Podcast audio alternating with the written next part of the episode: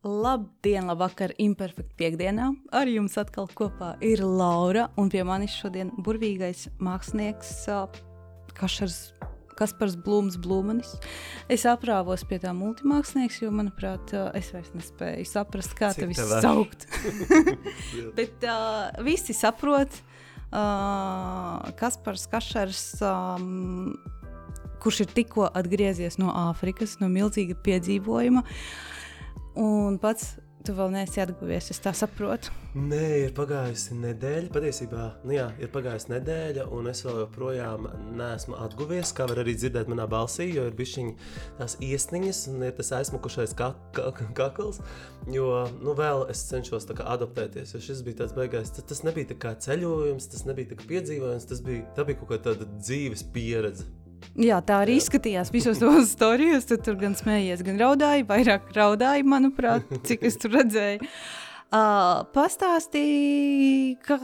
Nu, Sāksim ar parasto. Kā tu tur nonāci? Nu, kāpēc Etiopija? Etiopija, es nezinu, tā ir tāda cilšu, Āfrikas cilšu vieta, kas ir, teiksim, mans arī izsapņots galamērķis. Man gribētos tur nonākt.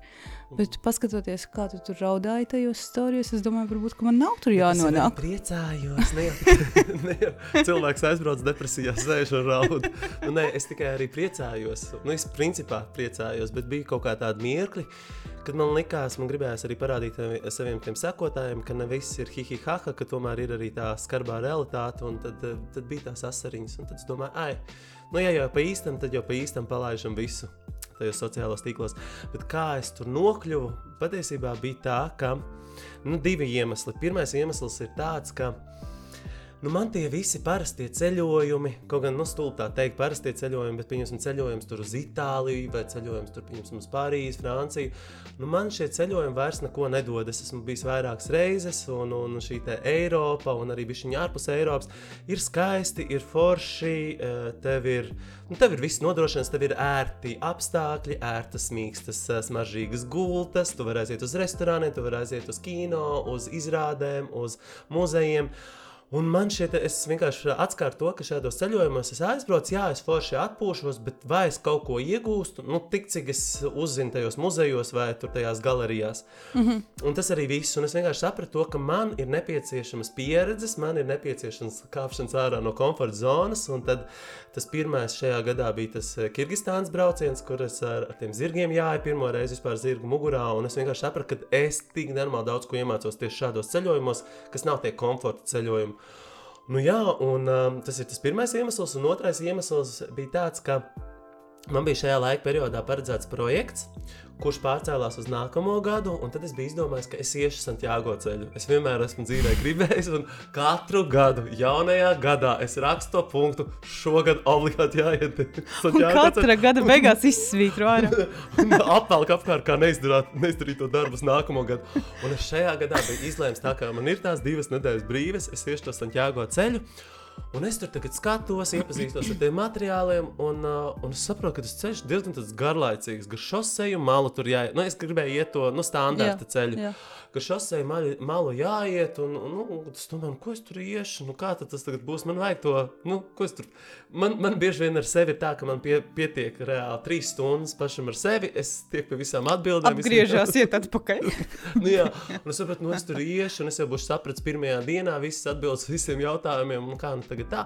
Un tad pēkšņi izlaiž ārā uh, fitnesa ABC, viestures savalcu. Es biju jau, šis ir trešais ceļojums šajā gadā. Pirmais bija janvārī, es biju Marokā sērfot, tad es biju ar viņu tajā Kirgistānā, un viņam ir tāds piedāvājums. Ah, tie Jā. visi ir ar viņu. Jā, tas ir viņu, mm. jā. Un tur pēkšņi parādās Etiopija. un Man tāds, ak, Dievs, mēs taču abi arī ar tevi esam bijuši Zambijā. Tas gan bija pirms kaut kādiem 14 gadiem. vai Jā. ne? jā. Un man likās, nu, 14 gadi ir pietiekami ilgs laiks, lai es varētu atļauties kā vēlreiz aizbraukt, apskatīties. Un tur ir, protams, tie trāvi, tās siltis un viss un tā. Un es vienkārši pateicu viņam, visas brauc, un es gribu tieši braukt arī vienītī. Nu, viens, nevis kopā ar savu vīru. Un, uh, un es viņam uzrakstīju, viņš saka, jā, viss tur ir. Un es vispār par to nedomāju, es to aizmirsu. Un viss līdz pienāca tā diena, ka bija jālido. Ārprāts, nu labi. Pienāk tas iepriekšējais vakars, kad tev jākrāmē ir uh, Mhm. koferis līdzi. Šausmīgi. Mums pat nebija kofers, mums bija nosacījums, ka tā ir tā mugursoma. Jā. Jā, Tāpēc, ka uz koferiem, divām nedēļām. kur, jā, kur tad to koferu tur caur džungļiem, caur ciemiem? to grāmatu ceļu. es tā esmu ieradies. nu, jā, nē, tā soma, un tas bija tik drausmīgi, tāpēc, ka es nevaru saprast, kāds tur laiks būs, vai tur ir silts. Un, protams, skatos tur tos uh, weather, bet īstenībā tas, kas man rādījās, rādījās 23 grādi, bet esot tur uz vietas bija 40 grādi. Un, tā kā, tu nevari ticēt arī visam šim te, un es nevarēju saprast, kāds es tur gribu būt, man taču gribējās paņemt drēbes tādas, nu, lai es arī izskatos labi bildēs. Nu, Fancy. fancy, fancy. Nevienu no tām drēbēm neuzvilku. Tieši nevienu visu drēbes atdeva un atstāja tur. Un es staigāju reāli nezina, ko vienā- ar tām drēbēm darīt. Nē, nu, tur, nu, tur viens tāds stāsts, tur vienam puisim tur atdeva savas drēbes. un Tas tāds emocionāls mirklis bija. Bet jā, es principā nostaigāju vienos šortiņos un vienā krekliņā. Viss. Jā. Labi. Tātad, uh, bet tas mērķis jums bija braukt un palikt kaut kur tur, uh, kaut kur tur iet no viena punkta A uz punktu B. Nu, tas Ko galvenais mērķis ir iepazīt šīs ciltis un būt kopā, dzīvot kopā ar šīm ciltīm, tiem traibiem. Un, respektīvi, mums bija septiņi traibi. Tādi populārākie, cik es saprotu, Etiopijā vispār ir pie 80, bišķiņ pāri 80 dažādi šie traibi ar savām tradīcijām, ar savu izskatu, ar savu dzīves stilu, kultūru, rotāšanos un tā tālāk. Un tā tālāk. Bet mums bija tieši tā opcija septiņus apciemot. Un tad, pieņemsim, vienu nakti mēs pavadām vienā traibā, paliekot pa nakti, uh, divas naktis citā. Un tad, principā, mums tas maršruts ir ap Omo upes ielēju. Un tā viņa arī saucās Omo Valley, tāds tā kā liels maršruts. Tad tur ir divas stundas ceļā uz nākamo traibu. Cit, Citur bija varbūt tam pusstunda, citur vispār bija kaut kāds trīs vai četras pusstundas. Un tā mēs vienkārši ceļojām, tāds tā kā plāniņš. Un, principā, jā, mēs aizlidojām uz, uz Etiopiju, jā, mēs aizlidojām uz Etiopiju, uz uh, galvaspilsētu, un pēc tam nākamā dienā mēs uh, lidojām ar vietējo reisu uz Jinku. Un tad no Jinkas mums tur sagaida tur tie džipi, mēs sas- sasēžamies džipos un braucam uz to pirmo traibu. Un tur arī mēs palikām pa nakti. Tātad tu ierodies tajā traibā Jā. savā kaut kādā izskatā, kā tu izskaties parasti. Tur es biju uzvilcis dizaineris, viens tur. Man bija tāds Protams. speciāls, nu, es biju tāds, nu, kā man likās, nu, kad tas pirmais straips. tur tāds speciāli dizainēts, man bija tāds skaista veste, pāri vestē tāds kimono. Tad tur tāds garās bikses, tur tāds ādas kurpītas, viss tāds smuki, bla, bla, bla. Un es izgāju tāds, nu, tad, nu, tad šeit, un es vienkārši sajūtos tik stulbi, un man likās, ak, Dievs, vispār nepiemērots apģērbs, tāpēc, ka karsti. Bikšu gali jau ir dubļos, jau slapji, netīri, man kaitina, es tur tīru, ots man tur kaut kur kož. Es tur, man galvenais visiem tiem apģērbiem vēl tāds garās, tāds, nu, tā striķi, tā kā tāds lēmpas, kā tāds dizaina. Tās man tur bērni ir rausta, man kaitina, tad es tur kaut kādo kadiķī, kaut kādā, nu, vienkārši drausmīgi, man likās nepiemērotākais apģērbs, plus vēl arī lietus līs, un es jutos vienkārši drausmīgi. Un tad es sapratu, ka, nu, te fashions nebūs. Modamies- lieku projām. nu jā, un es ātri pārģērbos, jutos tā kā cilvēks. Bet, nu jā, tas pirmais, tas iespējas bija, nu, nenormāli, nenormāli. Tā kā vispār tu esi izmests no laivas, tu nezini, kā justies, tu nezini, kā runāt, kā sajusties. Tāpēc, ka mēs tieši ieradāmies uz ceremoniju, kuru piedzīvo ļoti, ļoti reti. Turisti vispār šo ceremoniju piedzīvo reti. Un tā ir tāda ceremonija, kurā puiši kļūst par vīriešiem un meitenes kļūst par sievietēm. Respektīvi, tāds ceremonija pirms kāzām. Bet ko viņi tie, nu, dara? Nu, tie ir Tātad. praktiski Meitenes tiek pātagotas, pātagotas. jā, nu, sistas ar, kā, ar, ar, ar tādām, tā kā pā, nu, nevis pātagām, nu, nu, žagariem, principā. Un tas bija diezgan interesants process, un, principā, tur ir tā, ka... Bet tās pātagošanas, atvainojos, Jā, šis ir nu. interesanti.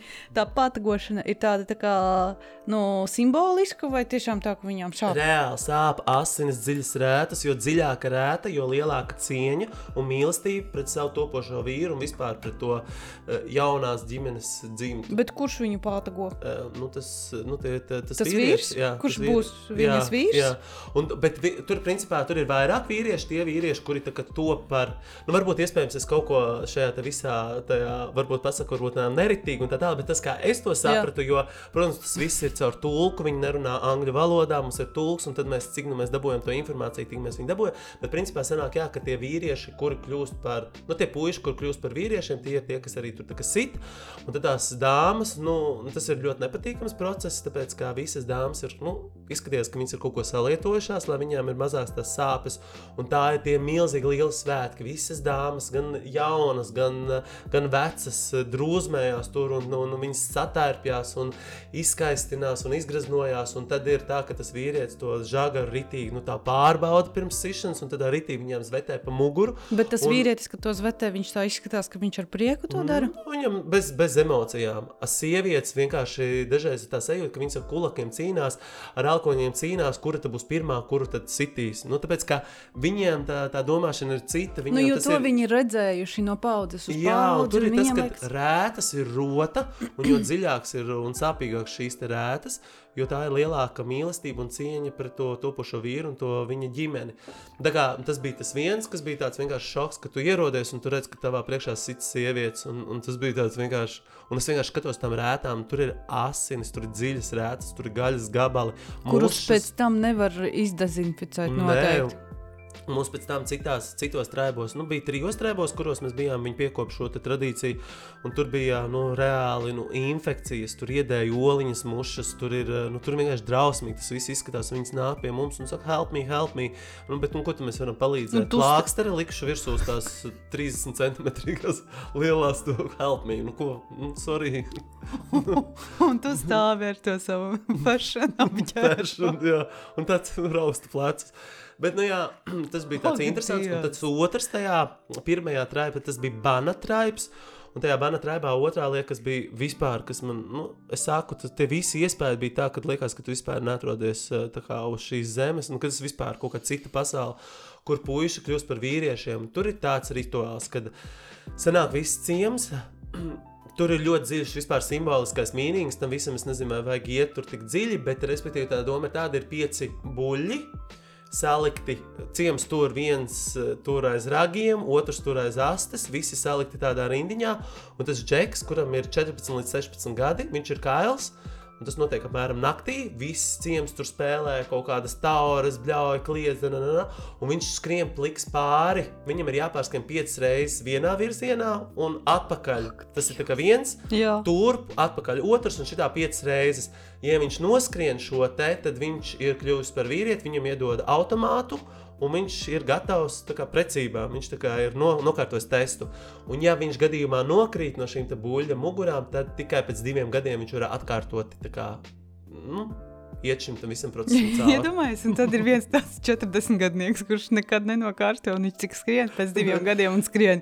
Nē, nu, tur ir tā, ka mēs runājam par to, ko darīt, ja pieņemsim, nu, kāds ir invalīds, pieņemsim, nav kāja, vai, jo tur ir ļoti daudz Jā. šādu gadījumu, vai, vai teiksim, es nezinu, nu, tieši pirms šīs te ceremonijas, teiksim, nu, izmežģīja kāju, un, tad, un ko viņš arī leks. Tā, nu, viņam palīdz ciems, kā viņu pārnes pāri, un tad pārnes nu, nu, tādā veidā. Un tas, tā, tur tā simboliskā nozīme vairāk ir. Var sakot, ka sievietei jābūt paklausīgai un vīrietim ir jāiet cauri ugunī un uh, šiem visiem dzīvniekiem, un Jānis mājās medījums. Tāda ir tā doma, ka viņš tagad ir. Tāds... Nu, viņš ir vienkārši, nu, tas, ir tāds simbolisks pārējā, nu, teiksim, no puikas par vīrieti. Tas ir tāds, tāds, tāds simboliskais, jo tur ir, nu, principā, ja mēs ejam tā dziļāk, tur ir tāda lieta, ka Pirmais tas būlis ir ļoti, ļoti maziņš. Viņš ir tā kā, es nezinu, buļļiem ir jēriņš, nē, bet. Nu, nu, bulītis. Bulītis, mazs, mazs tāds bulītis, un tad ir tie buļļi. Un tas pirmais Teliņš. būlis, kas ir? Teliņš. Nē, Teliņš. es nezinu, bioloģijas skolotāji tagad. Labi, bet, nu, pieņemsim, tas ir tas teliņš mazais, un tam teliņam vārds ir tāds pats vārds, kāds ir tam puisim. Jā. Bet tas lielais, kas ir pēdējais, tas būlis, būs viņa topošais vārds, tāpēc ka šajā ceremonijā viņš arī maina vārdu. Un tas mazais teliņš ir kā simbols, viņš vispār ies viņam cauri visai dzīvē, jo pēc tam to teliņu viņš ņem uz savu sētu, un tad, kad tas teliņš nomirst, viņš nocēr tam teliņam galvu, un to galvu liek uz savas sētas, uzsprauž uz, mies, uz mieta, kā tādu, nu, teiksim, viņš ir bijis visas dzīves laikā kopā ar šo, tad, nu, tur tā simboliskā, viņš maina pirmkārt mm -hmm. arī vārdu, un tas teļa vārds, un, nu, arī mainās līdz ar, ar to lielo būli. Mm -hmm. nu, jā, jā, jā, sapratu, jā, jā, jā. Nu, varbūt grūti izskaidrot, bet jā, tur ir simboliskā tāda nozīme. Bet uh, labi. Kā viņi tur dzīvo? Viņi dzīvo tādās, tā kā, nu, kā National Geographic rāda, tādās māla, tādās būdās. Nu, katrs tur... tribs dzīvo, viņam atšķirās tā mājvieta, un pieņemsim šitā te bāna tribā bija tāda, nu, te, teiksim, māla māja ar salmu, tādu tā kā jumtu. Tādā mājā dzīvo apmēram 12 līdz 16 cilvēki. Un viņi Izrādās tur tās- guļ uz grīdām. Viņi guļ uz grīdas, bet izrādās tajā mājā vēl ir tā kā otrs stāvs. Jo pirmajā stāvā nesenāk, nu, tu iedomājies, cik tā māja ir maziņa. Viņai ir vēl arī viņa saliek tādus kokus uz otro stāvu, un tad uz tiem kokiem otrajā stāvā guļ vēl kaut kā. Viņi guļ tā principā karotītē, visi tā. Tādā mazā mājā tur nav ko. Tāpēc mums bija arī viens tāds gadījums, kur uh, uznāca baigā vētra, un mums tur visiem bija izmirkuši telts. un Bija viens no variantiem, ka mēs ejam pie tiem vietējiem tā kā gulēt. Nav vietas. Nē, un, un, un tur kaut kā sabīdījās, jo uzlīd lielākā daļa tajā otrajā stāvā. Mēs salikām jau madraču iekšā, bet iet tur iekšā, tur viņiem kurinās arī ugunskurs. Nu, un ir Jā. mazi, mazas durtiņas, tāds mazs, mazs lodziņš. Tur nav vienkārši burti, nu, tur nav fiziski gaisa, ko elpot. Tur dūmos vienkārši visu laiku gulēt, un tad mēs sapratām, ka tas nebūs, ka mēs negulēsim tur. Tā kā nu, ļoti traki tie apstākļi vispār bija. Nu, jā, principā viss, kur tu grozies, kur tu skaties, tev ir šoks par visu. Un tā nav tā, pieņemsim, Zambijā, kad es dzīvoju pusgadu. Nu, tur ir civilizēti, tur ir tā kā Viņiem ir telefoni. telefoni, televizori, nu, plus mīnus Jā. normāli veikali. Tur nekā vispār no, no tā nav. Un tur viss tā kā nu, reāli tu pārtiec no tā, kas izaug. Un tu tā dzīvo, tur viss staigā puspliki, pliki. Nu, jā, bērni tur vispār bija pliki, nav sievietes, visas krūtis vaļā, Jā. tur viss tā. Bet, um, nu, tu aizbrauc uz turieni. No šīs visas pasaules, kas ir uh, rekur, telefoni, interneti, Jā. Instagram un viss kaut kas. Jā. Nu, kāda tev bija sajūta? Tev nebija sajūta, ka tu esi kaut, es nezinu, ka tu esi kaut kādā nepasaulē, ka tas ir kaut kas. Nu, iedomājieties, viņi šito vispār neapzinās, ka kaut kas tāds notiek. Viņi nezina, ka ir mikrofons un var pie viņiem sēdēt un runāt, jā. un citi var to klausīties. Nu, principā bija tā, ka pirmo dienu, pirmās dienas vakarā man nenormāli sāpēja galva, un visiem sāpēja galva, tāpēc, ka tev tie iespējas ir tik nenormāli daudz un intensīvi, ka tev vienkārši cietajā diskā, kā mēs smējāmies, vienkārši nav vairs tā kā vieta. Nu, tāpēc, ka vienkārši ir too much, visa mm. kā, viss, ko tu redz, ir 12-gadīgs puisis, pa, paiet garām ar automātu. Nu, vienkārši tā viņam norma. Tad tur nu, vienkārši tu skaties uz visu un liekas, kas tas vispār ir. Un, zini, kas ir pats trakākais, ir tas, ka mums jau ir iespēja salīdzināt. Mēs zinām, kā ir šeit, mēs skatāmies, kā ir tur. Viņiem nav tā ir viņu ikdiena, tā viņi dzīvo, tas, viņi, tas ir viņu Un normālais. viņi tā zina, ka tā Jā. Ir jābūt. Kā viņi vispār uz tevi skatās? Nu, kā, Nu, viņi skatās, tur meitenes izrāda, tur simpātijas, visi ir ļoti, ļoti draudzīgi, visi nāk, to klāt, grib pieskarties, visi ir smaidīgi, visi ir priecīgi. Protams, tajā pirmajā traibā bija tāda, bišķiņ tāda atturība, ka visi skatījās, tā, tā bišķiņ no gabala, nu, gabala. Bet tas, ko es gribu piebilst, ka internets tur bija ļoti, ļoti labs. Un līdz ar to es sapratu jau tajā pirmajā dienā, ka es šo visu atspoguļošu savos sociālos tīklos. Nu, iedvesmot arī cilvēkus paskatīties uz to, ka pasaule nav tikai tāda Rīga, Latvija, Eiropa, bet pasaule ir arī, nu, bišķiņ savādāk. Un tad, Pagaidi, jā. internets tur bija labs. Jā. bet viņiem jau nav. Nē, nu, Kur viņiem to telefoni, izmantot? telefoni plus mīnus kādā no traibiem ir, bet viņi nevar viņus tā kā uzlādēt. Kas man par kam tā telefons jau nevar uzlādēt. Nu, citiem tur bija kaut kāds, nu, saules kā baterijas, uz kurām, bet, nu, visi, jo mums bija ģenerators tur, un tad visi nāca ar uh, telefoniem bez, vad, nu, bez tiem lādētājiem, var uzlādēt. Es, nu, man vajag tavu, nu, podziņu telefonu lādētāju, jo manā iPhone lādētājs to nepalīdzēja. Ak, Nu, jā, tā kā kaut kā telefona kaut kādam cilvēkam tur bija, bet, nu, principā, nu, nu, arī, ja ir telefons, nu, viņiem nav naudas, lai papildinātu tos nu, kredītus, to talk time. Tā Viņi jau arī līdz tai pilsētai, kamēr aizkuļās. Nu, viņi tokam. arī lielākā daļa nekad dzīvē netiek līdz pilsētai, tāpēc ka pilsēta ir diezgan tālu. Un uh, cilvēks ir piedzimis, ja viņam nu, nu, nav šīs naudas, viņš arī līdz pilsētai nekad dzīvē kā, nu, netiek. Nu, man arī bija viens tāds gadījums par meiteni, kurai tur iekot čūska, un es viņu gribēju. Es vienkārši sapratu, ka man ir tāda misija saistībā ar viņu. Es gribu, nu, jā, es nevaru palīdzēt visam ciemam, tad es gribu palīdzēt viņai, un tur arī bija tas gadījums. Stāsti, kas tas bija pagadījums. No sākuma līdz galam. Tā tad tas bija. Mēs iebraucām mm, traibā, kurš saucas Karo tribs. Un tas gan bija tāds ļoti, ļoti interesants. Arī atkal bija šī savādāka tipa mājas un tā. Un, Un šajā traibā bija tas nu, kaut kā ļoti, ļoti interesanti. Tad atvērti cilvēki, visi nāk draudzējās, visi tur ir interesanti tērpi. Viņiem visi, viņi visi ir apzīmēti, izdāļojušies un, un ļoti skaistā tādā teritorijā. Viņi atradās uz tāda kalna ar skatu uz milzīgu lielu to om, omo Valley, nu, kā Omo upi. Un ļoti tādā, nu, tā, tā, tiešām tā kā National Geographic tādā vietā, un, un, un, un viņiem pat bija divi veikali, un, un viņiem bija skola, kas ir, nu, tā kā, nu, plus mīnus normāla skola, nevis tur māla māja, bet, nu, tāda, nu, normāla skola ar logiem. Un bija tāds foršs ciemats, un mēs ierodamies tu, tur, un, protams, mums bērni ir apkārt, un mēs ieraugam sievieti, kura tā kā ir atnākusi un, un tur bļauj un kliedz, un ka viņai ir iekodusi čūsku. Un viņai tā kāja, viņa nevar pakustināt kāju. Mm -hmm. Un tad mēs tur aktīvi, kas nu tagad ir un ko tagad darīt ar šo visu, bla, bla, bla, bla.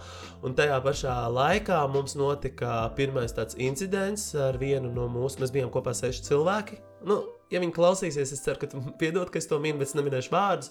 Bet nu, tas bija tāds pirmais tāds reality check, kad nu, ka mēs atrodamies īstenībā diezgan tādā nu, bīstamā kaut kādā ziņā nu, vidē. Uh, vienkārši bija tā, ka mēs ap to sievieti, kurai iekodus tā čūska, un pēkšņi visi bļauj, skrien bērni kaut kur, kaut kur, un es ieraugu, ka viena no mūsu dalībniecēm ir noģības ar galvu, guļ tā kā nekustīgi, uh, atcitusies pret zemi un nekustās. Uh, Mums visiem šoks, kas tagad ir noticis. Varbūt viņu arī ir iekodusi čūska, viņai ir iekodusi čūska, un, un, un visiem stress un panika, un mēs skrienam, un viņi kā nu, mēģinam rūdeni apliet, mēs apliekam rūdeni. Protams, viņi kā uh, saprot, Jā. kas ir, kā, bet es saprotu, ka viņai acīs vispār viņa grīļojas, un mums nenormāli bāls, jo mēs esam nu, nekurienes principā vidū, un ko tagad darīt. Mēs uzreiz saprotam, jāved uz slimnīcu, slimnīca atrodas 60 km attālumā, un kamēr mēs ņemamies ar, ar to mūsu dalībnieci, protams, tā, kurai ir iekodusi čūska, ir aizmirsta. Un mēs iesēdinām to mūsu dalībnieci nu, mašīnā, un normālais stress, un viņai kopā brauc arī draudzene. Un, uh, Un, un, un viņi aizbrauca, mēs saprotam, bet viņi taču varēja paņemt arī rekur to sievieti, kurai ir tā kāja. Un pa to laiku, kamēr mēs ap to sievieti ņemamies, tā vietējā trāpījuma sieviete jau ir nekustīga, viņa jau ir bezsamaņā un viņa raustās un kratās. Ak, Dievs! Un mašīna jau ir aizbraukusi, un mēs tagad domājam, ko darīt tagad ar šo sievieti. Un normālā stresa mēs saprotam, nu, nē, kad ir jāsauc atkal kaut kāda pa ātrā palīdzība, un kamēr tur ir Un tur taču arī telefons ir izlādējies. Cilvēks brauc ar kaut kādu rītu, ar moci. Viņiem tur ir moči. Ar moči brauc uz kaut kādu blakus ciemu, lai varētu, zonas tur nebija, lai varētu tur uzlādēt telefonu, piezvanīt ātrā palīdzībā. Ātrās palīdzības mašīna ir tikai viena uz visu to kilometrāžu. Un kur viņi vēl pa tiem ah, ceļiem, ir... kamēr tur atbrauc? Jā, un tā, tā, tā sieviete tur kratās, un mums nervi beigt, jo mēs nevaram saprast, kas ir to mūsu dalībniece, plus vēl šī tur kratās. Un vienkārši liekas, ka nu, tur sapratām to, ka medicīnai vispār tam nu, saziņai, ka tu vari izsaukt, ka pie tevis var atbraukt. Un tad mēs beigās izdomājām, ka viņa jāliek uz tā moča, bet viņa tur grīļojās, viņa tur vispār nedzīvo, kā mēs varam uzlikt viņu vispār uz moča. Un beigās tur kaut kādā veidā viņu uzlika uz moča, bija cilvēks priekšā, viņa pa vidu, kā tāds nu, cīsiņš, mm -hmm. un tad uh, aizmugurē viņš šādā veidā turot. Veidos tur mēs arī sametāmies naudu, kas bija 120 dolāri, kas ir diezgan liela nauda. Un tā nav tāda mazā, ja 60 km attālumā ir šī slimnīca un viņu aizveda, un beigās nu, viņai viss kārtībā. Mm. Viņai sadeva zāles, visu nākamajā dienā, jo viņu ska... nu, viss ir, viss ir kārtībā. Viss un, tā. un arī mūsu tā dalībniecei viss bija, paldies Dievam, kārtībā. Bet jūsu dalībniece tikai noģība, vai viņa arī čūska? Bija? Nē, viņa noģība, nu, tāpēc, ka viņai palika slikti no tā, ka viņa redzēja, ka tā ir sako, iekodus tā čūska, plus vēl nenormāli karstums, jā. plus vēl nebija dzerts ūdens, un viņa vienkārši noģība. Un, un, un, jā. un tad viņa divas dienas atpūtās ārpus šī projekta, viņa vienkārši pagulēja viesnīcā. Nu jā, tā kā visādā kaut kādā mums katru dienu bija kaut kāds šāds incidents, kas, liec, nu, kas, kas parāda to, ka tā Āfrika, jā, viņi ir skaista, viņi ir aizraujoši, bet tajā pašā laikā viņi arī ļoti, ļoti, ļoti bīstami. Tur visādāks. Tur, mums tur arī vienā citā traibā bija vienkārši tāds pitons papēl garām. Tad tur pasaka, jā, nu te krokodili dzīvo, dzīvo un tad tā liekas, oh, reku tālumā skaists puķītis pēkšņi. Tur tas eh, vietējais saka, nē, tas ir krokodils. Nē, tas taču ir puķis. Un uh, mēs pabļaujam otrajā krastā, sakām, var pārbaudīt, vai tas ir puķis vai krokodils. Es saku, ah, tā tam būs puķis, izrādās krokodils. Mēs arī redzam, kā viņš ie, ie, ieņurko ūdeni. A, kāpēc tāds, krokodils bez puķiem izskatās? Nu, viņš tāds izskaties, tāds samtenis un tā. bet, bet nē, tas bija krokodils. Mēs vienkārši visi tā, ko? Tā tad dzīvo arī krokodīļi, tad dzīvo čūskas. Un tad tur kaut kādos, tur, teiksim, kur ir uzkars uz tā zeme, kur nav koki tur pieņemsim, ir visādāk. Nu, pēkšņi mēs ēdam vakariņas, pēkšņi mēs redzam, ielēm kaut kāds liels zirneklis tur čībā. Tad tur kaut kāds milzīgs liels vabols, tad tur kaut kādi pēkšņi tur lido kaut kādi ne tas sikspāņi, ne tā kaut kas šitāds. Te. Nu, Jā, it kā kas- visu laiku liekas tā. romantiski, romantiski aizbraukt Āfrikā, padzīvot. Jā. Bet īstenībā. Nu, visu laiku tev ir jāuzmanās. Tas ir viena soļa attālumā no bišķiņa kaut kādām briesmām. Bet viņiem tur joprojām ir karš. To es kaut kur izlasīju. Tu zini, kā nu, es tādu baigo karu situāciju, kaut Nē, kādu nē, tur nu, tā arī bija nemieri un viss kaut kas jā. tamlīdzīgs. Jā, tur kaut ko notiekās. Protams, viņiem tur ir Somālija, zina, kaut kas ir bijis un, un tā tālāk. Bet viņiem ir arī kari, uh, nemieri. Jā, ar uh, Somāliju. uh, Jā, ka ciltīm katrai savā starpā. Tur, pieņemsim, ir viena tā mursīta cilts, pie kuras mēs bijām pēdējie, tie, tie, kur atšķirās ar tiem nu, lūpu rotājiem, tiem milzīgi lieliem Jā. diskiem mutēs, un viņiem ir. Uh, teiksim, visu laiku kaut kādi nemieri ar body cilti. Un tur bija arī tāds stāsts, mēs nointervējām vienu to sievieti, kas tur mums bija tāds saruna ar vietējo sievieti ar diviem tulkiem par dzīvi, par to, kā viņi redz dzīvi, kāda ir viņas dzīves skaistākie mirkļi un tā tālāk. Un tad viņi teica, ka, nu, kāda ir viņai, mēs pa- pajautājām jautājumu, sāpīgākie dzīves mirkļi, skatoties vispār uz dzīvi, un, un, un skaistākie mirkļi. Un tad viņi pateica, ka viens no sāpīgākajiem mirkļiem notika tieši trīs nedēļas atpakaļ. Tieši tajā traibā, kurā mēs dzīvojam, pirms trim nedēļām viņai nošāva divas draudzenes. Tā bodīja cilts ar automātiem. Un mēs tā pēkšņi tā pagaidām, ko tas bija trīs nedēļas atpakaļ, un mēs tā dzīvojam, mēs tagad paliksim teltīs. Nu, saprotiet, tā kā nu, tur bija visu laiku tāds tā kā bišķiņas Un tas, kad briesmu arī nu, tur sliekšņi. tā visa izglītība ir kā ir, un viņam tur tā, tas ierocis ir iedots, un viņš vienkārši staigā un šauj to, ko grib. Ne, nu, to, ko grib, to pretinieku. Nu, jā, Bet varbūt viņš aizstāvot. tevi arī ierauga pretinieku. Bet tāpēc mūsu apsargāja apsarga ar automātiem, kamēr mēs gulējām. Var sakot, šī ceļojuma kaut kāds hashtags automāti. Visi ir. Nu, arī jā, kā viens no. Jo mūsu slēgta bija ar automātiem, mūsu apsargā bija tā kā apsardzes panākt. Bet kur jūs gulējāt? Jūs Teltīs. un ne, neielīda pitons pa nakti sasildīties Nu, pirmajā tajā naktī man visu laiku rādījās. Es tur vispār negulēju. Man likās, ka tur tagad kaut kas nāk. Tāpēc, ka tieši tajā naktī, kad mēs gulējām, notika tās, nu, liela, nu tajā pirmajā traibā, kas bija tajā bana traibā, tur notika, nu, tie puiši kļuva par tiem vīriešiem, meitenes kļuva par tām sievietēm. Tur notika liels svinības, un viss tas ciems svinējās līdz pat rīta gaismai. Nu, tur viss ņēgu, ņēgu. Un tad es vienkārši es vispār nevarēju gulēt, tāpēc, ka man likās, ka viss iespējamais ielīdīs manā teltī. Un tad es tā ik pa laikam, nu, ļoti, ļoti skaļi viņi bija, un viņi arī netālu no mums, un es tikai tā, tā kā, un viņi arī tām gaismiņām, kas uz pieras gaismiņām skrēja visu laiku nakti kaut kur apkārt. Un tad es pēkšņi tā pamostos, un man uzspīd tā gaismiņa. un Mana telts arī bija tuvākā tā viņa tā ceremonija vietā. un Tur ritīgi visi skrien, tusējās mm. un tā tālāk. Un tad pēkšņi man ir tāds kadrs, kur izgaismojas telts, un es redzu, nu, kāds jaunēklis paiet garām ar automātu. Nu, un tā, un tad man likās, ka viņi mūs taču grib apšaut. un viss kaut kā čē. Bet tas ir tikai pirmajā dienā, tāpēc, ka tu nezini, kāda ir tā situācija, tu nezini, cik viņi draudzīgi ko kas un kā. Pēdējā dienā tu jau staigā plikām kājām un jau nemazgā rokas ēdot. Nu, principā, nu, tu tā kā atklimazējies un, un pierod pie vis tā. Ko jūs ēdāt? Mums bija tāds tā kā šefpavārs līdzi, arī vietējais, kurš mums gatavoja ļoti, ļoti garšīgi. Principā to pašu, ko es Latvijā arī ēdu. Mm, mums bija brokastīs, mums bija nu, omlete. Jums bija līdzi šefpavārs. Nu, vietā, vietējais, nu, tā kā viņi nodrošināja tā omotūras. Uh, kurš mums taisīja ēst, tur bija omletīte, tur ar auglīšiem, kafija, tēja. Tad pusdienās mums vienmēr bija zupa. Uh, tad bija um, tāds salāti, tad bija makaroni ar tunci vai makaroni ar kaut ko citu, ar vistu, pieņemsim.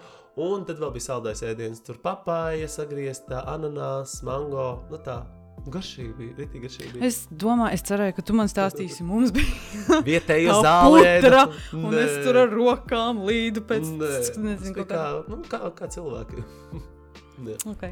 Nav interesanti. Nākamais topiks. Uh, kāda, kas viņiem ir ar tām visām rotām, ar tiem, uh, kāpēc viņiem ir tie riņķi? Nu, tie Nu, lūpu katrā- riņķi, tie ausu riņķi, Jā. tie visi riņķi. Tātad katrā tajā traibā ir kaut kāds cits rotāšanas veids. Ir cits traibs, kā jau sākumā minēju, tie, kur noslēgtās sievietes, tas ir ar to, nu, ar tām rētām, rētas ir rota, tas ir tas, ar ko viņi tā kā atšķirās. Tad ir traibs, kuri atšķirās ar kā iegrieztām rētām. Teiksim, tā kā rombiņus iegriež, kur, nu, principā, Nu, tā kā iegriez-. Tā kā, tu, tā kā zīmējums tu iegriez, tad tos zīmējumus ar pelniem iesmērē, un viņi tā kā izveidojās nu, dzīstot, viņi izveido tā, tā 3D efektu, un tad ir tādi iegriezti. Ir tas īpašais vārds, uh, bet es viņu aizmirsu, kā sauc šo te, mm -hmm. procesu. Bet, principā, jā, un tad viņi tā, tā 3D zīmēm zāra. Tad ir tāds strēps, kuri rotājās no pērlītēm, rotām milzīgs liels kaklerots un tā tālāk. Un tad ir mursīta traips cilts, kura... mursī izklausās mursī, tā kā no... Tā kā morsiņš. No, no multenes kaut kāds mursī. Jā. Un viņiem ir, principā, viņi rotājās ar šīm te mm, koka vai uh, māla plāksnēm, mutē un ausīs liekot. Un tur ir viņiem tāds princips, jo lielāka ir šī lūpā tā plāksne, nu, tas, tas disks, mm -hmm. jo dārgāk ir šī sieva. Jo mazāks, jo viņi ir lētāki. Nu, principā, kāpēc esi... dārgāk? Nu, kā, kāpēc nu, tas, tas, simbolizē, tas, tas simbolizē, tas ir viņu izpratne par skaistumu. Tā lielā lupa simbolizē, tas ir skaistums, un jo lielāka ir šī lupa, un mēs noskaidrojam, ka lielākā lupa, kāda ir, tas disks ir 20 centimetri. Tā kā iedomājieties, tāda milzīga, liela tāda lupa. Un tas ir skaistums. Tas un, ir tā kā mums ir uzpumpētās lūpas. Jā, un viņiem ir šāds. Viņiem ir šāds jā, un tā ir viņu atšķirības zīme, kā viņi atšķirās no citiem uh, traibiem, citām ciltīm. Un, lai viņi nesajūtu kopā ar visiem, viņi ir izdomājuši šo. Nu, tas, protams, vēsturiski, ka tas ir tas viņu skaistums. Un tādā veidā viņus neviens neatšķirs no. Nu, kā, nevis neatšķirs, bet tādā veidā viņi nepazudīs uh, visu šo 80 traibu. Nu, tajā sastāvā. Tāpēc viņiem šādi ir atšķirības. Tā zīme, skaistu metālons, jo lielāks riņķis, disks mutē, lupā. Bet tas arī interesanti, nu, ka tas ir ļoti, ļoti sāpīgs. Tas posms.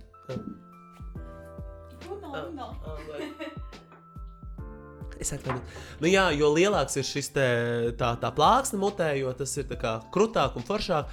Un kas man likās ļoti, ļoti interesanti, ka viņi, lai teiksim, ielikt šo te plāksni mutē, viņiem ir jāizsit, sievietēm ir jāizsit apakšējie divi zobi, un to viņi izsit ar mm, nāglas palīdzību vai ar nāža palīdzību. Tad iedomājieties, es nezinu, kā es nu, kā kautrējos prasīt, kā tas notiek, tā izsišana. Jo, lai varētu ielikt, nu kā viņš ir apaļš, un tu nevari ielikt to, to plāksni iekšā, ja nu, tur vajag tos divus zobus ārā apakšējos, lai viņi tāds smuktas galiņš tur kā iet. Nu, tā diezgan, diezgan, no, bet es viņai prasīju, nu, nu tā kā tev patīk, nu jā, ka tas ir viņiem skaisti, tas ir smuki. Bet ja viņi neko, nu, nu tiešām, ja tas ir viņu priekšstats par to, kā ir jābūt, Un, ja viņa jau piedzimst ar to domu, zinot, ka šis ir skaisti, jo lielāks, protams, ka viņai liekas, ka tas ir skaisti. Jā, bet īstenībā valdība, un kā arī viņa teica, nu, ka tagad, nu, līdz, līdz ar to, ka notiek šī globalizācija, arī valdība ir pret šo, tāpēc, nu, ka tas ir antisanitāri un tas ir diezgan sāpīgi un tā tālāk. Nu, ka arvien mazāk sievietes izvēlas to darīt, bet tās, kuras tiešām vēlas sakot šīm tradīcijām, kas ir lielākā daļa, tad eh, nu, tās turpina piekopt šīs tradīcijas. Bet šis nav vēl tāds trakākais, ir arī vēl trakāks tās tradīcijas, kas ir vienkārši, nu, tā vienkārši liekas, ko. Nu, šoks, jā. Kas notiek tur ar tiem mazajiem bērniem? Viņiem ir daudz lielas ģimenes, nav ko. Nē, nu, Visi nu, pliki skrien. Mēs Nu, kā, tas arī tāds tā kā baigais, nu, nezinu, tāds stereotips par to, jo man ļoti daudz tur tajā Instagramā, ak, Dievs, es raudu. Es, man liekas, es visiem prasu, ko tu raudi? Kāpēc? Viņiem tik lieli raudāji. Nu, tāpēc, ka bija tā situācija ar to meitenīti, kuras pēc tam bija pastāstījuši. Jā. Bet tur, nu, viņiem ir tie lielie vēderi, tāpēc, ka viņiem ir tā anatomija, tiem ķermeņiem, viņiem mugurkauls ir tāda izliekuma, līdz ar to tas vēders ir uz priekšu. Plus vēl arī, protams, ka ir visādās baktērijas ēdot, jo viņi ēd netīrām rokām un tā tālāk, un varbūt uzpūšās tas tas vēders, bet tas nav no tā, ka viņiem nav ko ēst. Viņiem ir ko ēst, un visi principā ir pēduši. Es neredzēju no tāds, jo neviens tas, kurš nāca mums klāt, neprasīja mums ēdienu. Mums prasīja uh, pildspalvas, lai viņiem ir ko rakstīt, mums prasīja t-shirtus, un mums prasīja karamelu. Viss. Ja viņi gribētu ēst, viņi nāk. Nu, principā mēs arī runājam ar viesturu, kurš ir ļoti daudz izceļojies. Un, un viņš teica, nu, ka šis nav bats. Tas vispār nav bats. Viņš ir bijis tādās vietās, kur ir bats, un tur pat turists nevēl, tāpēc, ka tur ir bīstami būt turistiem. Mm. Jo, ja cilvēks ir badā, viņš neprasīs to tīšķi, viņš prasīs tev ēst. Un tur es vispār to nepiedzīvoju. Līdz ar to tie bērni staigā, skrien pliki. Ļoti nu, teiksim, divgadīgs latviešu bērns un divgadīgs etiopiešu kāda no trāpa bērns nu, pilnīgi atšķirīgi. Nu, viņš ir attīstītāks, viņš jau skrien. Viņš, Tas ir Etiopijas bērns. Mūsējais nokritīs raudā, ne, mūsējais nokritīs eh, raudās un, un pārdzīvos. Tur viņš nokrīt, uh, varbūt tām ir kaut kāda asara acīs, bet skrien tālāk. Tur nu, viņš, viņš ir pilnīgi savādāks. Viņš nāk ar mani, viņš komunicē, viņš skarās klāt, viņš priecājās, viņš spēlējās, viņš izzina to pasauli caur to dabu. Nu, kaut kā mm -hmm. šeit, pieņemsim, kas ir novērots, nu, jā, kad, nu, kad vajag to datoru, vai vajag to planšeti, vai vajag to telefonu, lai tā kā bērnu nomierinātu. Tur nē, nu, tur viņš pats atrod to veidu, kā būt. Un, un tas man likās interesanti. Viņi tādi adekvātāki kaut kā likās tie bērni. Jā. Un ļoti pieklājīgi, ļoti tādi draudzīgi, ļoti tādi. Mm, ja viņiem pasaka, nē, viņš saprot, nē, nevis tur. Kaut gan vienā traibā mēs redzējām, kur tur bērns nu, samiķojās un spēra kājas pret gaisu. Mums liekas, o, ir arī tādi bērni. Protams, Jā. atkarīgs ir no, no tiem traibiem arī, protams. Jā. Ah, bet kā tev? Nu, labi, bet pieaugušie viņu cilvēki. -huh. Un Kā tev šķiet, kāds ir viņu skatījums par dzīvi? Nu, tu saki, bērni ir tādi tā kā saprātīgāki, bet tas pieaugušais atkal nav tāds tā kā. Nu, jaunāks domāšanā, es nezinu, kā to nosaukt. Nu, Nu, tas ir arī, arī atkarīgs no traiba, jo, pieņemsim, ir tādi traibi, kuros jau runā, nu, ir iemācījušies angļu valodu, un tad ir tā traiba, kuros tā kā nē, un, un, nu, kur, kur vispār nav tā izglītība bijusi.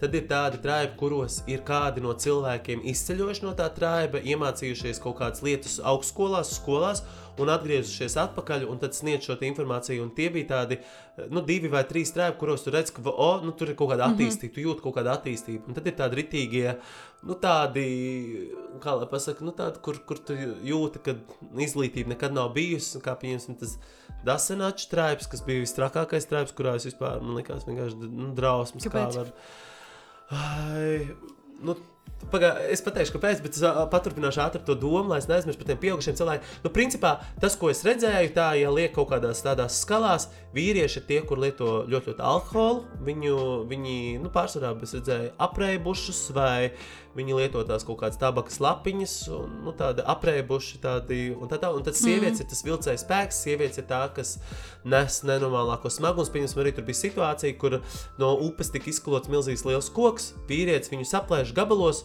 un sieviete nes uz galvas viņu prom. Vīrietis neko nedara, un sieviete nenormāls smagums nes. Vīrietis vienkārši iet runāties ar nu, citiem čekiem. Mazas meitenes uh, nes nenormāls smagums, puiši nenes. Puisi ir tādi bez nu, laimes luteklīši. Tu piedzimst kā puisis, tev ir palaimējis. Tāpēc, ka visu, visu Jā. smago, visu uzņemās, ģimenes pavārdu, ēdienu, visu, visu uzņemās kā sievietes. nu, tas Vīrieši ir tas solis atpakaļ, tur, kur mēs kā esam kāpuši soli uz priekšu. Jā, nu, tas bija tā. Līdzīgi arī Zambijā, kad mēs bijām, mēs arī redzējām, sievietes visi strādā tirgu, vīrietis atnāk, Piedzerās. piedzēries, paņem sievietei nopelnīto naudu, ja viņa nedod uztais zilu aci, paņem naudu, aiziet uz bāru nodzer, un sieviete atkal iet pārdot savus banānus vai, vai tomātus. Nu, žēl, protams, bet tad, tad tas viņiem mm. tur tā ir. Nu jā, un tas dasenačs traips, Un tas bija vienkārši drausmas. Un Tas, bija, es, tas, tas, bija, tas vispār atšķīrās no visiem citiem tiem traibiem ar to, ka viņi atradās pilnībā tādā tukšsainā vidē, tādā pilnīgā līdzenumā, uh, 40 grādu temperatūra, un mēs vēl nebijām sezonā. Tur ir 40 grādi, tu nav iespējams vispār tur būt, tāpēc ka tur nav ne koku, nekas. Vienkārši tā kā tāds burning man, tūkstoša placis, tu noliec kāju, visi putekļi pa gaisu, nav ko elpot. Un ir nenormāli karsts, un viņiem, viņi kādreiz veidoja savas tās mājvietas no, teiksim, no mm, dzīvnieku ādām. Mm -hmm. Bet tad viņiem notika kaut kāda nelaime, es nezinu, kāda nelaime viņiem notika, un viņi pārcēlās uz citu vietu, šo līdzenumu, un valsts viņus atbalstīja katrai ģimenei izdalot pie 12, 10 līdz 12 tādus dzelzceļa šīfera gabalus. Un viņi pat taisiet mājas. Nu, tā kā jumts jums Nu, būs. nu, tā kā jums, bet viņi, ko Jā. viņi izdarīja, viņi uztaisīja no tiem šīferiem pilnīgi visu to karkasu, tā kā visu, gan jumtu, gan arī sānus. Un, principā, iedomājieties, ir 40 grādi, tu esi smiltīs, nav ko elpot, visu laiku ir putekļi, ir nenormāla kā svēlme. Plus tu dzīvo šādā uzkarstušā dzelzceļa mm -hmm. mājoklī, kurā iekšā vēl kurina ugunskura, tāpēc ka viņi tur eh, nu, taisa tu- tos ēdienus. Nu, principā viņi visu laiku pavada ārpus šīm mājām, jo tur iekšā fiziski nav iespējams. Un kas ir tas trakākais, jo tur ir tādi putekļi. Tie visi cilvēki ir ļoti, ļoti, ļoti netīri. Un tiešām ļoti, ļoti netīri. Viņiem ir, eh, viņi visi pliki, netīri. Uh, un problēma ir tajā, ka šie putekļi, eh, viņiem visiem ir jocīgs acis, nu, tāds tā kā asarāins acis. Un lielākoties vecie cilvēki ir akli, tāpēc ka visu mūžu dzīvojot šajā te vidē Ak, viņi berzē acis, tāpēc ka viņiem sajiet smilts acīs. Viņi berzē, berzē, berzē acis. Un visu laiku tu skaties, un tu tur redzi, re, kur tante, nu, veca tante, akla. Re, kur tā vīrietis ar, nu, tā ar vienu aci. Bērniem jau tāds ļocīgs, asinains, sarkans, tā kā uz iekšā. Nu, tu redz, ka viņiem problēmas acīm, mm -hmm. viņas laiku kasa tās acis, tāpēc ka beržās no tiem putekļiem. Un viņi dzīvo tādā vidē, un es viņiem prasīju, kāpēc jūs dzīvojat tādā vidē, jo turpat blakus, pretējā upes krastā, ir uh, džungļi, ir zaļumi, ir uh, nu, vienkārši normāli dzīvošanas apstākļi. Celiet tur tās mājas, un tad viņi stāstīja, ka arī viņiem ir nesaskaņas ar kaut kādu tur to bodiju, laikam arī traibu, kas ir tāds visstrakākais, laikam, kas visiem tur uzbrukot. Un viņiem gan bija pēdējais nemirst pirms trim gadiem, kur nogalināja ļoti daudz cilvēku, bet tāpēc viņi ir uzcēluši savas tās mājas tādā līdzenumā, lai, gan, lai viņi varētu gan pa dienu, gan pa nakti pārredzēt teritoriju. Jo, ja tur ir koki, ja tur ir kalnaina vide, viņi nepāredz teritoriju. Un tāpēc viņi no savas drošības labā. Bet viņi neredz. Nu, Viņi grib pārredzēt, bet viņiem acis ir čupā. Nu, nu jā, un tas ir otrs. kā. Ak, Man liekas, nu, nu, labi, nu, jā, labi. Jūs, kā, nu, labi, jūs tagad varbūt tā labāk redzēsiet, jo tur tiešām visu var pārredzēt. uh, Nu, tur vienkārši ir līdzenums. Tur Mhm. redz, ka kāds nāk, tur redz, ka kāds nāk. Labi, viņi to redz, bet tad viņi cieši ar savām acīm. Un, tā, un tas vispār tas dzīvesveids viņiem drausmīgs. Viņi neiet skolā, viņi netic skolas sistēmai. Tāpēc, ka kādreiz valsts kā atbalstīja skolu un nodrošināja arī pusdienas, vairāk to nedara. Tāpēc bērniem no motivācija iet uz skolu, tāpēc viņi nevar tur pēst, tāpēc viņi neiet uz skolu. Viņiem bija ļoti smagnēja enerģētika. Mums arī uzreiz pateica, piesargājiet šeit savas mantas, tāpēc ka šiem te dasaneču trēbam patīk kā kaut ko noķert, paņemt un ļoti agresīvi, nedodies to mm -hmm. viņus. Jo mēs braucot uz šīm te, tām vietām, mēs esam samaksājuši nodevu. Šim traibam, tāpēc turisti var braukt uz šīm vietām. Tāpēc maksājam- viņi jūs pieņem. Jā, viņi kā pieņem, mēs samaksājam nodevu, kurā ietilpst, ka mēs viņus vērām, drīkstam fotografēt. Bet nu, tā nodeva, cik es saprotu, ir liela. Es ne, neprasīju, cik, bet nu, tas ir tajā visā summā, mm. -hmm. kurā kā, es esmu iekļauts tur a- esot. Un, nu, jā, bet, redzi, un tad es kaut kur pāri, un viņi saka, picture, picture, un es tā kā nofočēju, un viņi prasa man naudu. Es saku, bet mēs esam samaksājuši, nē, gimi mani, un nāk brutāli virsū, un tev ir rausta, lai tu dod tā kā naudu. Un es tev dodu naudu, bet viņiem nekad nav tā gana sajūta. Es varu iedot, viņus 2 eiro, nav labi, es varu iedot 200 eiro, nebūs labi. Viņiem visu laiku nav gana, viņi nejūt to tā kā, nu, to, nu, kad Sāta sajūta sāta sajūta. jā. Vispār tur nevienam traibam nebija šī sāta sajūta. Tu iedod visu, viņš vēl to pajautās kaut ko. Un tas man arī likās, ka viņiem nav tāds, vot tagad pietiek, vai kaut kāda empātija, vai kaut kas tāds, viņi to neizjūt. Nu, Mhm. jā. Un šis traibs bija tāds, mums bija ļoti, ļoti bailīgi tur palikt. Un uh, arī tāpēc, ka nu, ka tas pitons papeldēja garām, tur tie lielie zirnekļi. Un, un, liels, jā. Nu, nu, vēl lielāks. Nu, tāds nu, 30 centimetru platumā. Nu, tāds liels, nesmugs. Un, uh, un mums tās telpas arī, jā, mums tās telpas arī uzcēla teiksim, divus metrus līdz tai upē. un Mēs zinām, ka tur tie krokodīļi un tieši tā telpa izēja uz to upi. Nu, bija šausmīgi, grūti gulēt pa nakti, un, un tad mēs piedzīvojām taifūnu, kas bija vēl viena tāda briesma, kur mēs nu, iepriekš nezinājām. Neviens nezināja, kā rīkoties tādā situācijā. Un tas principā notika tā, ka 9.40 es atceros, iegāju gulēt, un pulkstenis 11. naktī, nu, vakarā vienkārši, nu, viss jau pulkstenis 6. ir itī tumšs. Un 11. vakarā pēkšņi tu guli tajā teltī un vienkārši pamosties no tā, ka pilnīgi visi dzīvē radīja putni, rāpuļi, viss nenormāli kviets, bļaujas, spiedz. Nu, tā kā viņi laikam tādā veidā signalizē, ka nāk briesmas. Jā. Un es esmu kā piecēlies tajā teltī, un es nesaprotu, kas notiek nenormāli skaļi. Es vienkārši domāju, kas tagad būs, kas tur un es jūtu, ka pilnīgi zeme tā kā drēb. Nu, tāds, tā kā, nu, tāds, tā kā, tu jūti, ka klusums pirms vētras kaut kas būs. Es ātri, vienkārši intuitīvi vienkārši paņēmu un sāku likt tajos eh, savā, savā somā visas mantas, visu, visu uzliek to pasi ap kaklu, ātri saģērbos un sēžu. Es zinu, ka kaut kas Un tu līdz viens būs. pats te teltī guli? Es savā, mums katram ir savs telts, jā, es gulēju viens pats. Tur divas dalībnieces gulēja kopā, tā kā vienā teltī kopā piecas vai sešas teltis, mm. -hmm. un viens otrai blakus. un nenormāli viss skaisti. Un es nesaprotu, kāpēc. Nu, Kāpēc neviens neko nebļāva, kāpēc visi tur guļ? Varbūt es esmu vienīgais, tur kaut ko satraucos. Un, tā. un es esmu piecēlies tajā teltī, un sākās nenormālākais vējš, nenormālākais gāziens. Un vienkārši man to telti pūrina, un es turu viņu, un viņi man gāžās virsū, un es viņu tur kaut ko tam līdzīgu. Un pēkšņi es ieslēdzu to, kā, nu, to lukturīti, kas man ir, un es redzu, ka viss telts īstenībā ir nu, tumsā. Tu neredzi, bet kad ieslēdz, viss ir ar putekļiem, ar smiltīm. Es paskatos savām rokām, kājām, man vienkārši smilšu kārta viss mans mans ar smiltīm. Es saprotu, ka ir kaut kāda smilšu vētra, ņemot vērā, ka mēs atrodamies tādā tūkstošainā vidē. Un tas paliek ar vien trakāk, ar vien trakāk, un es sāku bļaut, nu, tur eju. Tas ir normāli, tas ir normāli, tāpēc, ka neviens neko nebļāva, neviens neko nesaka. Un pēkšņi visi tā kā atapušies un bļāva ārā, un tas viesturs saka, ārā no teltīm, ārā no teltīm. Un es izkāpu ārā no teltīm, milzīgs vējš, tur smiltis, mantas uz visām pusēm, tur krīt, visi kaut kur skrienam, kaut kāds slapi, viens vēl nav pārģērbies, viens tur kaut kādās mazbikstītēs skrien. Nu, kad mēs sākām mašīnā, visiem ir šoks. Vietējais nesaprot, kas tas par biksēm. Strīdus tam meitene iznāk. Nu, nē, tik traki nebija, protams, pārspīlēt.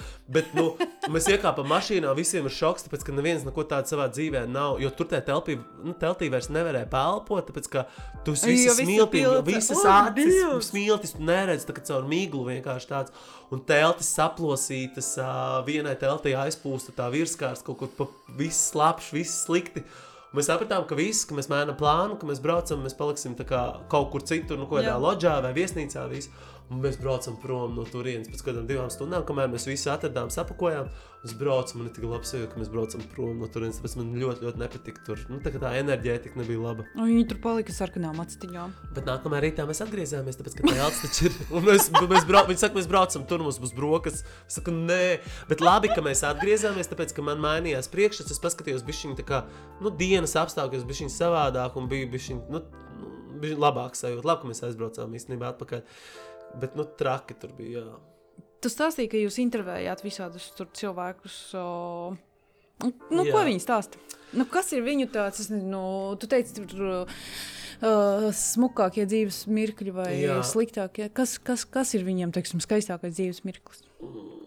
Nu, īstenībā, ja godīgi, tie skaistākie dzīves mirkļi ir bijuši kaut kādi uh, Nu, tāda, pieņemsim, sieviete, kurai mēs jautājām šos jautājumus, viņa teica, ka viņas skaistākais mirklis ir tas, kad viņa atnāca uz šejienes, no nulles izveidot to trāju tajā vietā, kur mēs palikām. Viņa, viņa izveid... pati? Nu, nē, nu, kopā droši vien vēl ar kaut kādu Jā. savu ģimeni, bet viņa bija aizsācēja tam. Un nu, tās skaistākais mirklis, iedomājieties, kāds bija. Es biju reāli šokā. Viņa, viņa saka, ka skaistākais dzīves mirklis ir tad, kad atbrauc turists pie manis, mani nofotografē, ieliek savā kā, kaut kādā video un pastāsta par mums visai pasaulē. Un tas viņai skaisti. Un man liekas, Viņa ir mēs... dzīves influenceris. Man liekas, nu, kā mēs taču braucam, fočējam, bāžamies iekšā tavā tajā migā ar savu telefonu, filmējam. Tas tā kā nebesī, nu bez mazā. Nē, ka viņai, viņai tas ir lepnums, ka mēs braucam šeit, izzinām, jo, nu, protams, viņi var nopelnīt ar to šīs nodevas, bet mēs šādā veidā stāstām, un jo vairāk mēs stāstām, jo vairāk cilvēku brauc. Jo Etiopijā ir tieši tas pats, kas Latvijā ir. Tik daudz turistu, cik brauc uz Latviju, tieši tikpat daudz turistu procentuāli brauc uz Etiopiju. Es tikai gribētu atzīmēt, ka Etiopijā dzīvo 91 miljonus iedzīvotāju, bet Latvijā nu, jau gandrīz būs viens. jā, nu, procentuāli tikpat daudz, cik brauc uz Latviju, tikpat jā. daudz procentuāli brauc nu, uz to skaitu uz turieni. Tātad, nu, principā, turisti nebrauc. Nu, ņemot vērā, tāpēc viņi ir priecīgi, ka atbrauc. Viņiem tas ir liels notikums, un tas ir priecīgais moments. Bet e, mēs, man likās ļoti, ļoti, kas mūs tā kā visu aizkustināja. Es redzēju, nu, Mikls acis pilnīgi visiem tiem mūsu dalībniekiem. Tajā mirklī, kad e, viņa pateica, nu, tulkam, kurš pateica mūsu otram tulkam, tad tulks iztulkoja mums, uh, kā viņi arī grib pajautāt jautājumu mums. Un mums likās, o, nu ko tu gribi pajautāt? Un viņi gribēja pajautāt, kāda ir mūsu ikdiena, ko mēs darām ikdienā. Un tas bija tik nenormāli, tāds, zini, kā tāds baigais lūzuma punkts, tāpēc, ka... Skroloju bija... Instagram. Nē, vienkārši mēs saprotam, kāds ir tas viņa stāsts par savu dzīvi, Jā. ka viņai dzīvē galvenās vērtības ir uh, būt pēdušai, uh, būt labām attiecībām ar saviem bērniem, izbaudīt šo dienu, dzīvot šim mieru. Nu, principā viņi dzīvo Bet šie cilvēki, dzīvo šeit un tagad. Tas ir tas, ko mēs visu laiku gribam, gribam iemācīties. Jā, Un tad viņi pajautā, kāda ir mūzi, mūsu dzīve. Un tieši pirmā bija sieviete, kura stāstīja, ka viņa strādā. Viņa pilnīgi stāsta, un es redzu, ka viņa strādā no rīta līdz vakaram. Tad viņai tikai divas stundas, trīs stundas, ko pavadīt pa laiku ar saviem bērniem. Un tad viņa saka, kāpēc tā bērna nav šeit? Tu esi atbraucis uz ceļojumu, kur tev ģimene, kāpēc nav? Nu, kad viņai vajag vienai pabūt šeit, un tā tālāk. Un saprotu, un tu jau stāstot, jau kā arī mēs katrs izlaidām to informāciju arī caur sevis un saprotam, ka mēs katrs esam tas, kurš skrien. Mums gribās šādus sapņus piepildīt, tādus. Mums nekad nav gana. Mēs gribam vairāk, ja mēs pelnām tik, mēs gribam pelnīt vēl vairāk. Mēs gribam tādu īpašumu, mēs gribam tādu mašīnu, mēs gribam. Mēs visu laiku pēc kaut ko dzenamies. A, tur cilvēks nedzenās. Ne, pret, nu, viņš nedzenās ne pret kā, nu, tikai paēst, izdzīvot šo dienu un būt laimīgam, lai viņu nenošauj. Tāda ir viņa. Un tas man likās tāds, tā kā, un, un tad viņi arī uzdeva jautājumu, kāpēc jūs tik maz laika pavadat ar saviem bērniem, kāpēc jūs tik maz laika pavadat ar saviem mīļajiem. Un tas bija tāds, man liekas, tāds. Nu, jautājums, par kuru mēs katrs varējām padomāt Jā. pēc šīs sarunas, un tas man arī ļoti, ļoti iedvesmoja. Jo es arī sapratu, nu, ka tā jau ir tā galvenā lieta šajā dzīvē, būt ar tiem mīļajiem cilvēkiem, būt ar tiem cilvēkiem, kur tev ir nozīmīgi, un tam ir tā vērtība. Pa lielam tu taču nepaņemsi savā tajā kap, kapā to lielo māju, vai to nenormāli skaisto foršo mašīnu, vai to trendīgo telefonu. Tu nepaņemsi. Viss, ko tu vari paņemt, ir tās, nu, tās sajūtas, to, to, to mīlestību, to ģimenes sajūtu un to. Un redz, jā, tāds, tā es tur pamanīju tās divas, ka mēs gribam to, kas ir viņiem.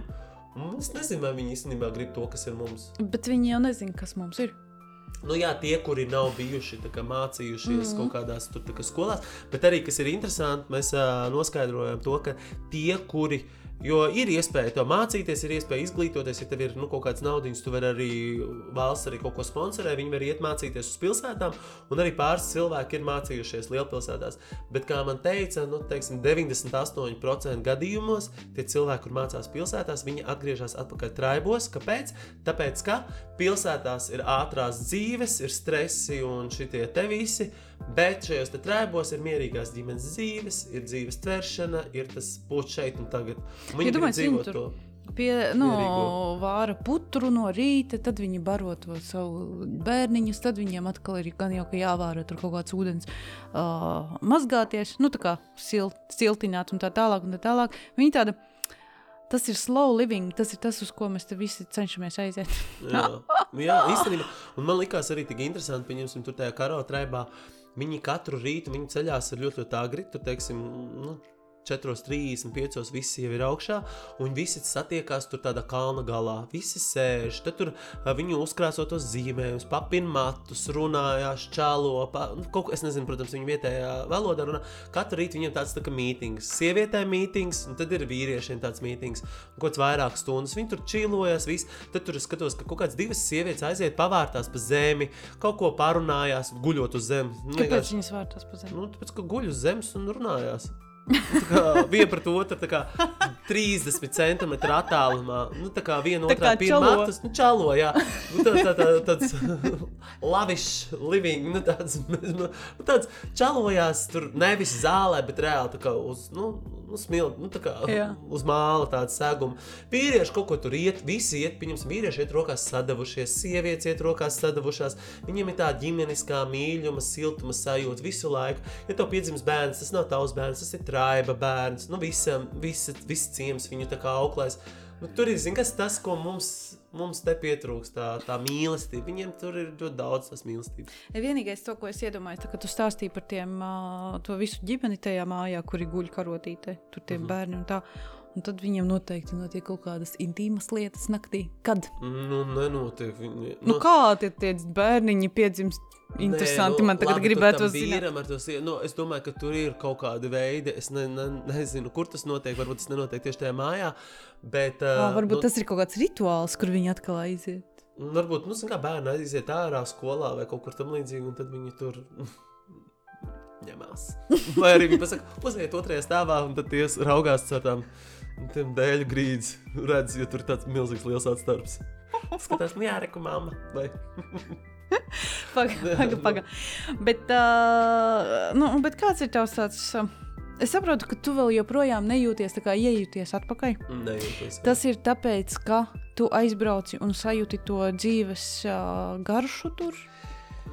Vai es... kas ir tas, kas tev tagad šeit pietrūkst? Ko tu gribētu šeit no turienes dabūt? Es saprotu, ka tu negribētu tur tagad dzīvot no rīta līdz vakaram, desmit Nē, gadus no vietas. Es negribu, bet tas, ko es gribētu paņemt, viņa to, nu redzim, mēs visi runājam par dzīvot šeit un tagad dzīvot mirklī, būt mirklī, baudīt mirkli un tā tālāk, un lai arī cik stulbi tas izklausītos, uh, Es pie tā ritīgi esot šeit, kad domāju, esi mirklīga. Un arī dažreiz, kad ir kaut kādas nu, foršas situācijas, man notiek, man ir tāds, kas par atceries šo, kas par atceries šo, atceries šo sajūtu, atceries, atceries, iegaumē, iegaumē. Esi šeit, un tad es mēģinu kaut kur izbolīt savus acis un mēģinu sasprindzināt un tvert to mirkli un tā tālāk. Es saprotu, bet viņiem tas ir dabīgi. Viņiem, viņiem nav nekā cita kā šis šeit un tagad. Un es esmu pamanījis, jo mazāk tev ir kaut kādā ziņā, mazāk tev pieder, jo laimīgāk savā ziņā tu esi, tu esi nepiesaistīts nepiesaistīts. Tevi nepiesaista lietas, mantas, un es gribu dzīvo, un tāpēc es šeit atgriežoties, es jau atkal esmu tajā vidē, un tāpēc man ir, tāpēc es arī iespējams saslimu. Uh, Jo es atgriežos, un te jau ir tā, tikos, tikos jābūt, tikos, tikos. Tātad 9 jābūt tur, 10 jābūt tur, tātad tikos man ir uh, jāpēta. Ja es nepēdīšu, tad man būs slikti, nē, nē, tad no rīta šis te vakarā ir tas, nē, nē, ja es paspēju, tad mēs nenormāli plānojam, visu, un kaut kas noiet greizi, mēs esam dusmīgi, vai diena ir sabojāta un tā tālāk. Bet es, es neredzu, man šķiet, ka Vajag kaut kādā veidā. Te tas nav iespējams, bet es nezinu, vai tā ir tā pareizā dzīves formula, skriet šim te. Jo tajos mirkļos, kad man ir jānosauc, kuri tad ir bijuši tie mani skaistākie dzīves mirkļi, šie noteikti nav bijuši tie, kā es esmu plānojis, kā es esmu skrējis, kā es esmu sasniedzis, kā es esmu tā. Tie nav, kur ir bijuši tie, nu, ir bijuši kaut kādi man tādi mirkļi, kad man ir jāpasaka, kurš ir tas skaistākais mirklis. Un izējot ātri cauri savai kaut kādai atmiņu lādītājai, man nāk prātā mirkļi, kurus es biju kaut kādiem saviem draugiem kopā cieši, kurus esmu svinējis savu dzimšanas dienu savā tuvā, tuvā kodola lociņā, kurā mēs ar draugiem esam kaut kādā skatījušies, kaut kādu filmu, visi kopā smējušies, vai kuras esmu savu ģimeni pavadījis, nezinu, Ziemassvētku vakaru kopā. Tie ir tie mirkļi, nevis kā esmu sasniedzis to, kā es ar kur tagad tur Jaguāru, uh, tur milzīgs liels projekts bija collaborations, tad man ar šito, tad es to vispār neatceros. Un tāpēc es domāju, tajā ikdienā skrienot šito, tad man neliekas kaut kādā ziņā, ka tas ir svarīgi. Jā, lai es nopelnītu naudu, man ir jāmaksā šeit, un viņiem nav tādas īres maksas, vai tā, viņiem tas nav. Man tas ir, līdz ar to man par to ir jāpadomā. Bet vai man tur ir jāiegulda tik nenormāli daudz enerģijas? vai man tur ir jāiegulda tik daudz enerģijas? Es nezinu. Es tiešām nezinu, un, un, un skatoties uz viņiem, es vienkārši man reāli tecēju asars, jo es skatos, viņi vēl bauda, viņi priecājas, viņi iet rotaļās, viņi uh, skatās uz sauli. Reāli viņiem tā saule jau tur katru dienu, viņi lielākā daļa nesaļo no tā ciema ārā. Tā saule viņiem jau līdz pēmienam, bet viņi skatās uz viņu, viņi bauda, viņi, viņi tā kā tver kaut kā savādāk. Un es arī gribu tā tvert, es negribu kļūt par to Es nezinu, par šito te, te, te, te, te, te, te, te, te, te, šitā, šitā, šitā. Bet mēs te visi jau tādi esam kļuvuši un viens otram to vēl arī uzspiežam. Tāpēc mēs maksājam nenormāli lielas naudas, lai retrītos atgūt atpakaļ to šeit un tagad. Jā, un tad mēs skatāmies uz sauli vienu reizi gadā. Jā, un tad mums ir uz divām dienām, o, oh, es esmu iedvesmots, iedvesmots, atkal mēs esam tajā pašā virpulī. Un tas ir tāds nebeidzamais es, kaut kāds.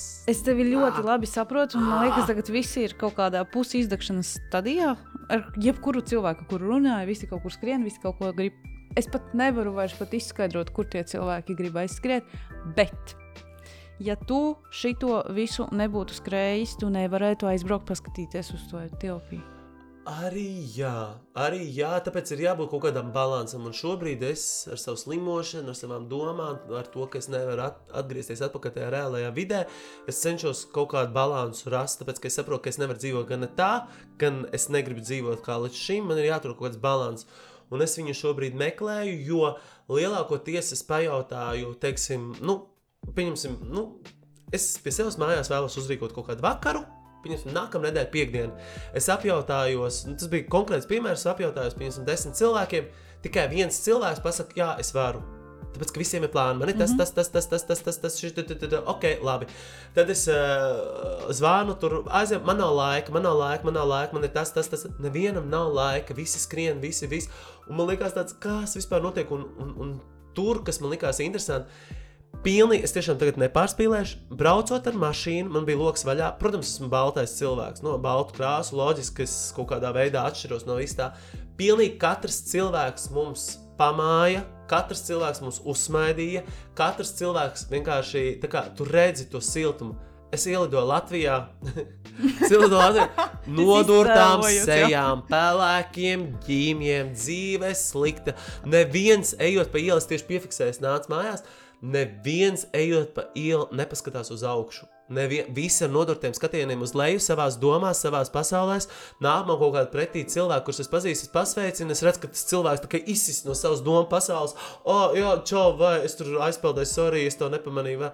Mēs esam tik dziļi iekšā kaut kādās savos, un vai tas arī ir labi? Tas nav arī labi. Mēs savās problēmās Problēma, esam dziļi. mēs, mēs, mēs nedzīvojam te, mēs nebaudām rekordu to skaisto zvaigznīti, kas virs mūsu galā. Mēs dzīvojam, mēs ejam pa to ielu un dzīvojam savā domās, kaut kur citur. Mēs esam vai nu šķetinām to, kas pa dienu ir noticis, vai to kaut kā dzīvo. A, kā būtu tā, a, kā būtu šitā. Mēs kaut kur visu laiku esam kaut kur tur, bet ne te un tagad. Kādā zvaigznītē mēs visu laiku telefonā paskatāmies? Jā. Mēs visu laiku tur kaut ko skatāmies. Un ne jau mēs tur arī baigi šeit un tagad atrodamies. Mēs vienkārši kaut kur nostam laiku. Un tu skatās, oh, tas tur dzīvo šī tā, es taču arī varu, tāpēc es tagad saņemšos, es gribu vēl vairāk. Es gribu, Celšos no rīta, skriešu, Celšos, Jā, re, darīšu. kur tas skrien, es arī skriešu, man vēl vairāk. Es gribu vēl labāk. Nē, tas jau ir forši, tā jau ir kaut kāda izaugsme. Bet, Bet lielākoties, nu, uh, tie lielākoties riņķiem staigā līdz informāciju. neirozēm tās ir mums te ir aizvedušas. tās distonijas, migrēnas, viss.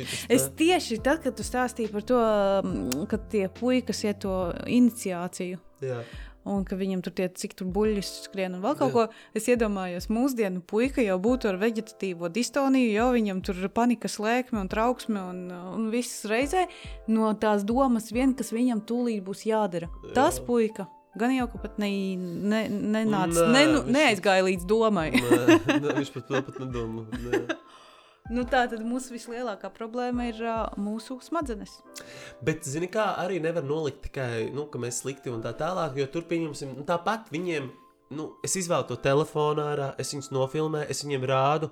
Visi skatās uz to telefonu kā uz brīnumu, visi grib pieskarties. Viņi šaumī, nu, tipā parāda man vēl, parāda man vēl. Nu, Zini, kāda ir tā sajūta, kad viņu pasaule, lai vai kas, nu, viņi, nu, viņi grib to skaisto tēkraklu. Un tāpat viņi taču redz, viņi man prasa to tēkraklu, viņi man rauga, ka viņi grib šito, viņi grib šito, viņi grib manas šļopenes, viņi grib šito. Nu, viņi grib to, kas ir mums, mēs gribam to, kas ir viņiem. Un tāpēc es uzskatu, ka tā labākā, pareizā formula ir tāda, ka mums ir nu, tā tas līdzsvars. Ko tas nozīmē, ko es šobrīd varbūt tam savā smadzenēs mēģinu liekot pa plauktiņiem, ka man vajag to, ka es varu izlaust savu ceļu, ka man ir tas azarts, iet, darīt, pilnveidoties un tā tālāk. Bet uh, nolikt tajā vakarā no to telefonu, vai tajā nedēļas nogalā aizbraukt uz tiem laukiem, atslēgties no visa, pateikt visiem, vai vienkārši ieslēgt nu, kādu lidojumu režīmu, cik nu, tas ir iespējams, vai vienkārši neatbildēt un atbildēt tajā pirmdienā. Nu, kaut kādu to balansu, ka ir tā daba, bet ir arī tā. Iešana, lai mēs varam nopelnīt to naudu, lai mēs varam aizbraukt, paskatīties pasauli un iepazīt šādas te. Nu, vajag to balansu, un mums tas balans pašiem ir neizdevts. Mums pašiem jākontrolē sevi. Tik vienkārši tas ir. Mēs drusciņi šajā bijām aizgājuši Covid laikā. Visi sāka kaut kur pa dabas takām mm. iet un kaut kur tur domāt.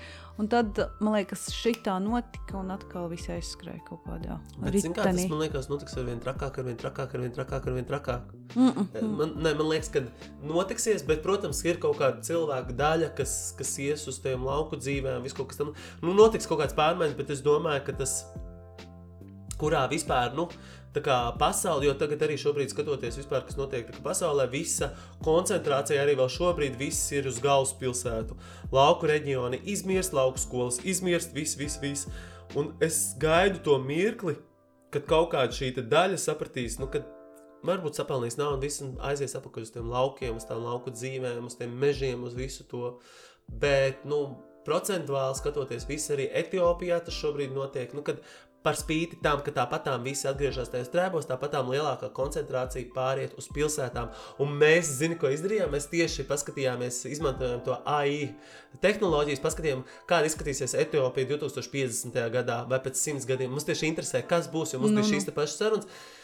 Tieši tā arī būs. Uh, traibi izzudīs, visi tāpatām agrāk vai vēlāk šie traibi globalizēsies, sapratīs to, ka rekur tur var pelnīt vairāk pilsētā, rekur uh, vairāk iestāsies sievietes, vairāk lūpas nedurs, jo tagad jau par to runā, tāpat arī, pieņemsim, klitors šobrīd jau arī valsts aizliedz, līdz ar to sievietēm un ģimenei jau ir iespēja izvēlēties to darīt vai nedarīt. Tie, kur ir nu, rītīgo ģimeni tradīciju piekopē, tie tā kā dara, bet sievietē jau ir teikšana. Tas ir pirms, tā apgaizīšana. Jā, apgāzīšana, jā. Mm -hmm. Tas pirms kaut kādiem 20 gadiem pat nebija ap, nu, apspriežams. Līdz ar to mēs arī skatījāmies AI, šīs te jaunās tehnoloģijas arī saka, ka nākotnē tas viss ies uz pilsētu, traibi paliks ar vien mazāk, ar vien mazāk, ar vien mazāk, līdz beigās nu, tas kaut kā izzudīs.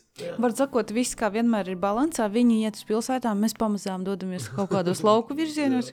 Labi, ne jau tā, ka viņi pieprasīja, tā kā, ka, ka riktīgi samainīsimies, bet varbūt aizies kaut kādā balansā. Ko vēl es uh, bišķi paskatījos, kas, kas rakstīts internetā par Mhm. Etiopiju. O, mm, vēl man bija interesanti tas, ka viņiem ir nu, tā kā kristietība, tur ir nu, tā ticība, un ka galvenokārt tas ir pareizticīgā Mhm. baznīca valda pār Etiopiju. Un tas man likās kaut kas tāds jauns fakts, ko es nebiju vispār Jā. iedomājies. Kas bija- viņiem vispār notiek ar tādām tā kā, ticības Nu, lietām? tas bija arī viens no jautājumiem, ko mēs jautājām teiksim, tai Mursijas sievietei. Un, principā, kādreiz, kādreiz viņiem bija kaut kādi savi dievi. Viņiem bija kaut kādas savas tās tradīcijas, savi dievi, kam viņi ticēja un tā tālāk. Un, tā tālāk. un tad sākās šis te, kad baltais cilvēks spēra to kāju Etiopijā. Itālijas vēl pie tam tas bija. Jā, Jā. spēra. Un nu, ka tu kādreiz arī, kas bija tā kā Latvijā, kur te ej no mājas uz māju, ej sludini. Un šādā veidā, pieņemsim, šeit Mursija traibā tika ienesta kristietība, kur cilvēks gāja stāstīt, tā, tā, tā, tā, tā. bet kas ir ļoti, ļoti interesanti, runājot ar šo Mursijas sievieti, jā, viņa tic dievam, tuvākā baznīca bija kaut cik tur 23 km attālumā, un viņa cenšas tur iet uz kājām, ar, ar kājām svētdienās, un Viņa saka, jā, ka viņi ir atraduši dzīvē jēgu, un viņas jēga ir šis dievs, ko nu, tas baltais cilvēks ir atnesis līdz turienei. Un Tā kā jā, tas viss pārvirzās uz to, un viņa saka, nu, principā, jā, ka viņi tic dievam, e, viņa savu dzīvi viņi ieliek dieva rokās, un principā tā viņi arī dzīvo. Tā kā šeit un tagad, un kā dievs būs lēms, tā būs. Un tāpēc arī pieņemsim par tiem bērniem, ka mēs sakām, kāpēc jūs tur neizsargājaties, tā, tā, tā, tā. Nu, ja dievs ir lēmis to bērnu, tad kāpēc man ar cilvēku izgudrotām ierīcēm vai nu, teiksim, prezervatīviem tas ir kā to cilvēks izgudrojas, bet Dievs ir lēms, ka man ir jābūt tam bērnam. Tad kāpēc, kāpēc man kaut kam nu, jāvadās pēc tā? Nu, principā viņi principā, ļaujās Dievam, viņi gribēja. Un, Jā, tāpēc kristietībai tur ir ļoti liela. A, kas notiek ar kaut kādu kapu kultūru? Ir tur tādas Ārprāts, tas bija lieta. tāds vispār bēres kapu kultūra. Tas ir vispār, tas ir, nu, pieņemsim, es divus ātri izstāstīšu, tas, nu, kas man vienkārši norāva. Pieņemsim, tas bija karo traibā, un tur ir tā, ja nomirst vīrietis, nu, pieņemsim, ģimenē. nu, Atkal vīrietis, Nu, pagaid. protams, labāk. Vīrie, es tagad neatceros, kurā pusē, bet principā nu, viņiem ir tā māja, māla māja ar salmu jumtu. Ja nomirst kāds no vīriešiem, viņu glabā mājas labajā pusē vai kreisajā pusē, Jā. un visas sievietes rindiņā labajā vai kreisajā pusē pie mājas. Bet, ja bērns nomirst, kuram ir līdz diviem mēnešiem, viņu glabā pašā mājā iekšā. Tu Tu tā jau gaisa nav. Nu, nav, un tur paglabā vēl bērnu, kurš tā kā nomirs. Un tad tu zini, kad izējot ārā no mājas, pagriezies pa labi. O, re, kur tur tā tante, māsica, šitas te, to tur pie tās mājas. Viņi reāli dzīvo tā kā kapsētā, kas man likās tāds vienkārši, ko? Kā tas ir iespējams? Nu, tas man likās tāds, pieņemsim, tajā desenača, desenača traibā tur ir vispār, man likās, nu, kas ir interesanti, pieņemsim, ja nomirst cilvēks, nu, tajā ģimenē, tad, kas notiek? Tā bērnu ceremonija vienkārši, man liekas, nu, ko, kurš to izgudroja, kāpēc? Nu, Ir nu. teiksim, visa ģimene paiet apakšā zem kazas, kazai uzšķērš vēdru, viņi visi ieļojās ar asinīm, visa ģimene. Un tad viņi septiņas reizes dejo apkārt tam līķim, nu, tā kā pa vietām. Viņi dejo, dejo apkārt. Un tad seko pats trakākais, kas man vienkārši liekas, ko.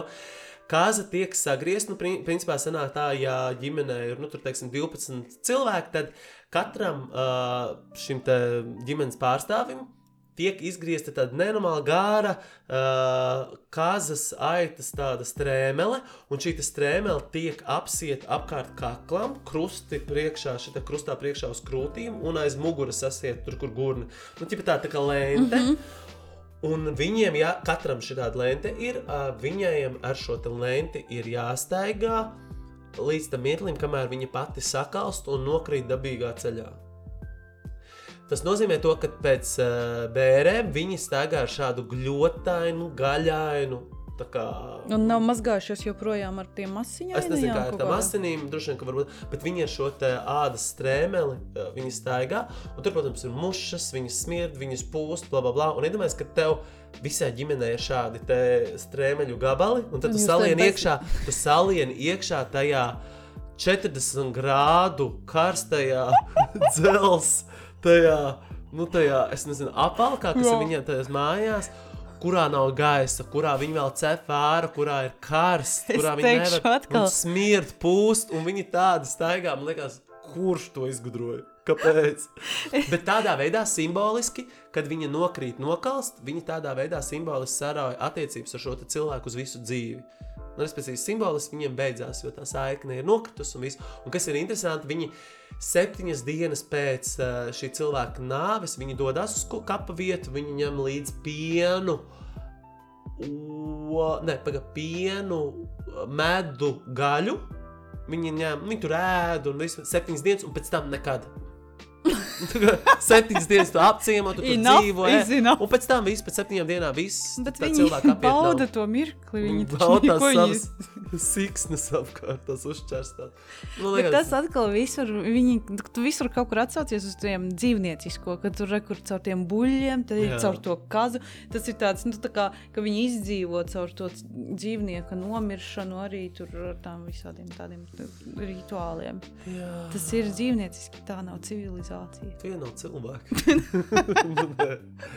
Nē, nu, Bet tā ir karstumā, kā tad viņi Nu, tur šausmas, tur viss tur nav vispār. Un tad viņi nāk akli ārā. Nedomāju, ka tu tur nāk. ā- Tur bija viens tāds gadījums, ka tur mēs gājām pa to ciemu, tik neumalīgi. Mēs visi gribējām tā neskrieties man klāt, tāpēc, ka tiešām bija ļoti, ļoti traki.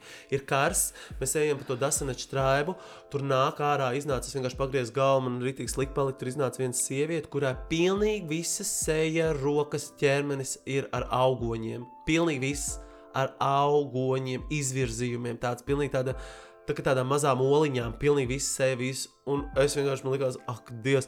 Un tajā mirklī tieši iznāca tāda veca tante, izrāpoja ārā no tās. Jo tur, tāds, tur nav durvis kā tāds, tur ir mazs lodziņš, pa kuru izrāpo ārā.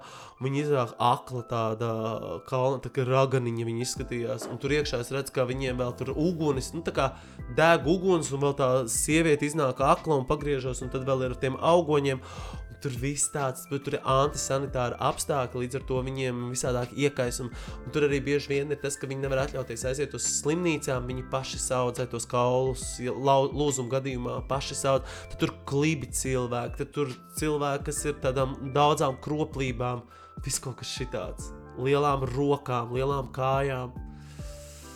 Klausies, Jā. tu teici par tām, ka viņi nes uz to kapavietu, tur piens, medus, ā, gaļas. jā. Viņi tā kā, viņiem ir, nu, viņi piekop tā kā lauksaimnieci, viņiem ir govs. No kurienes nāk Tātad, piens? tur tagad ir tāds stāsts, lai vīrietis varētu apprecēt sievieti. Viņam sākumā tur bija jāklapē. Viņam ir šis jākapla, jākla, Jākapla. jāsit, tad viņam ir jāpārskrien pāri buļļiem, plus sieva maksā. Un, ja, sieva What? maksā kazās, un es tagad ārpēc, kāds bija tas skaitlis? 160 kaut kādas, 262 vai 142 vai 3 kazas maksā sieva. Tātad, lai viņš dabūtu šo sievu, viņam ir jādabū kazas. Uh, tur ir arī kaut kas, tur ir govju kazu valūta. Viņš nopērk. Es, do, Viņš es sapratu, ka Tas, sieva... pūrs, tas ir kā pūrs. Jā, jā. Un, respektīvi, sanāk tā, ka nu, palīdz viņam ģimene savākt tās kazas, palīdz viņam ankuļi, māsīcas un tā tālāk, un tā tālāk, lai dabūtu to sievu. Tiek tā sievas ģimenē uzdāvināt šīs kazas. Tad tur pieņemsim kaut kādas 20 kazas, ir viena govs. Vai nu tās ir 143 kazas, vai tās tur ir izrēķinot attiecīgi govis, un tad tur āži vēl maksā kaut ko citu bišķiņu, un tur ir šīs te. Un, un tas sanāk, ka tā cilts visu laiku gaida, kad tā meitenīte pieaugs, lai viņi kļūtu bagāti, jo viņiem ienāks kazas. Jā, tieši tā. Un tas ir vienīgais, man liekas, meitas bonus, ka viņa tiek pie nu, šiem dzīvniekiem. Tāpēc ir govis, tāpēc ir šīs te kazas, āži un, un kaut kas tāds citur, man liekas, bija arī vistas. Jā. Un, un tas ir veids, kā viņi tiek tā, kā pie visādākiem pieniem, gaļām un tā tālāk. Tad viņiem, protams, ir medus, viņi ietur tajos džungļos un tos medus tur vāc. Un tas arī, ah, protams, viņiem ir, es neatceros, kas tas bija par augu, bet, nu, principā tā kā, nu, tie graudi, no kuriem viņi tagad taisa, viņu samaļot, jā, to putru, bija tas... Nu, kukurūza bija Nu, Zambijā. kukurūza, Arī jā, kaut kas tāds. Bet viņam ir cits nosaukums. Es aizmirsu. Nu jā, katrā ziņā viņiem ir šis te, un no tā viņi tā aizstājas. Un, principā, tāpēc viņiem, viņi neiet uz to tā, tā kā mēs ejam. Nu, citiem trībiem vispār nav tolets. Viņi vienkārši iet dabā tur kaut kur. Nedomājiet, mums likās, nu, bļāviens, uztaisiet, nu, jūs dzīvojat visu savu mūžu, uztaisiet tolets kaut kādu sistēmu. Un viņi vienkārši iet, jebkur, kaut kur izēja ārā, tu tur pačurā, tu tur izkārtojies un viss. Un Citiem trībiem atkal uztaisīts tāds interesants toletīts. Bet, nu jā, tad mēs ir sapratām interesanta to- toletīte? Nu, tāda tā kā bedra izrakta un apkārt tāda krūmiņa sataisīta. Un tad viņi ielien iekšā pa tādu, un tajā bedrē viss izdara, un tad aiztaisa uz krūmiņu. Nu, tāda tā kā krūmiņa, nu, zāru bum, buķetīte Jā. kaut kā tāda. Bet uh, tad mēs sapratām to, ka viņi taču neiet tā, kā mēs ejam uz to, ka mēs tur ejam vienreiz dienā, tur pieņemsim vai vairākas reizēm. Nu, tā kā viņi arī mazāk ēd, tad viņi iespējams to dara vienreiz nedēļā. Labākajā gadījumā. Tāpēc, ka viņiem viņi ēd visu laiku vienu to pašu, viņiem ir kaut kāda tā putra kaut kāda, un tad kaut kāda zaļumi kaut kāda nesaprotami. Un visu laiku ēd to, neko citu. Un tad tur dažreiz tur to pienu, tur. Bet viņiem vien, vienveidīgs ēdiens visu savu dzīvi, līdz ar to viņiem pārstrādājas tas savādā. Un vispār Tāpēc viņiem... arī ir uzpūtušies vēdri, tāpēc ka tas joprojām tur viss pārstrādā. Jā, un arī tas, ka viņiem vispār visa tā viņa ģenētika ir pilnīgi savādāk nekā mums. Pieņemsim, viņiem ir smalkas kājas, bet nenormāli liels pēdas visiem. Tāpēc, ka viņi staigā plikām kājām, viņi staigā pa kalniem, viss viņiem tāds liels, nu, brutāls pēdas. Man liekas, nu, kā tāda smuka meitenīte, un tāds liels pēdas. Nu, bet tad man paskaidro, ka viņiem ģenētika ir tāda. Viņi visi tādi slaidi, nenormāli gari, tādi nu, vīrieši, sievietes un tas liels ķepas. Nu, tāds pēdas, tāds Es nevaru. Liela- Tad tie Tāpēc, ka tie amortizatori viņiem tur kaut kādā savādā. Un mums tās magā, mazās, smalkās kājas, pēdiņas. Nekur, nekur neaiznes. Masāža, kur nekur neiet, jo mašīnā var iesēsties. Un tad peģikīri, manikīri, tad tur kur uzliek man set, un tad uh, uzkrāso vēl tos, tos nadziņus. Nav, viņiem nav, šķ- viņi nezin, kas ir šķērsmuli. Drosmīgi. Nu, tāds ir. Ārprāts. Bet tas ir reizē, tas ir, es te smējos, un- bet tas ir reizē tik salcerīgi, bet reizē smieklīgi. Bet, nu, kā, Bet viņiem tas nav savs, jo viņiem tā ir vienīgā realitāte, kur viņi zina. Tad viņi skatās uz mums, viņiem liekas, mēs esam tik tīri. Viņi arī saka, o, tāda, kvā- tādi vaidziņi, tāda ādiņa. Matos visi ķerās kādi mati un tādi. Citas tilts vispār nogriež matus uz nulli, tāpēc, ka viņiem liekas mati kā netīrības simbols. Tāpēc viņiem skatās, kā matu uzpūš vējš, un mums te matā plīvo. Un tad viņi arī smējās par to, ka mēs katru dienu tajās teltīs esam izmocījušies. Nē, normāli kārs pa tām naktīm, tad mēs ejam no rīta, mums vajag visiem duša. Un tad, tad tur skrien tas vietējais cilvēks, kas mums smeļ to ūdeni, tā es tur to, to dušu. Un tad viņi vienkārši nesaprot, ko mēs tur varam iet mazgāties. Rītā man vajag dušu un vakarā, jo es nevaru iet tādas saķebas gulēt. Un tad, kā, viņam liekas, viņi smējās par to. Liekas, kas tas atbraukuši. Jā, Mazgāti. Oligārhi atbraukuši kā nav kā. Tā, zini, kā. Un tad mums arī bija kauns. Bija daudz situācijas, ka mums vienkārši mēs darām, kā mēs darām, un mēs saprotam, ka mēs neiedaramies vispār ar savu domāšanu tajā visā. Un viss par mums smējās. Nu, arī pieņemsim tādu. Nu, pēc tam jau, protams, mēs tā pieredzējām, nu, kā ir tas ciems, iedomājieties, nav elektrības. Tad mēs atbraukuši oligārhi ar savu ģeneratoru, salikuši spuldzītes, kā zina, visiem šoks. Nu, nu, tad, un tad mums, kā, nu, kā mums taču ir jātās vakariņas, tad mums uzklāja galdu, uzliek galda pārvalks, krēsli. Un, zin, kā, un tad viņiem tāda krēsla, tur tā kā nav viņiem tāda koka izgrabti, tādi mazi tādi krēsliņi. Bet tad, viņi tā kā to visu redz, to, ko jūs Viņi redz, un mēs ēdam, mums tā kā. nu, tā Jūs kā to visu nērti. Un viņi to visu Bet, nu, redzēja. kur mums ēst? Teltī, ie, iekāpt. Jā.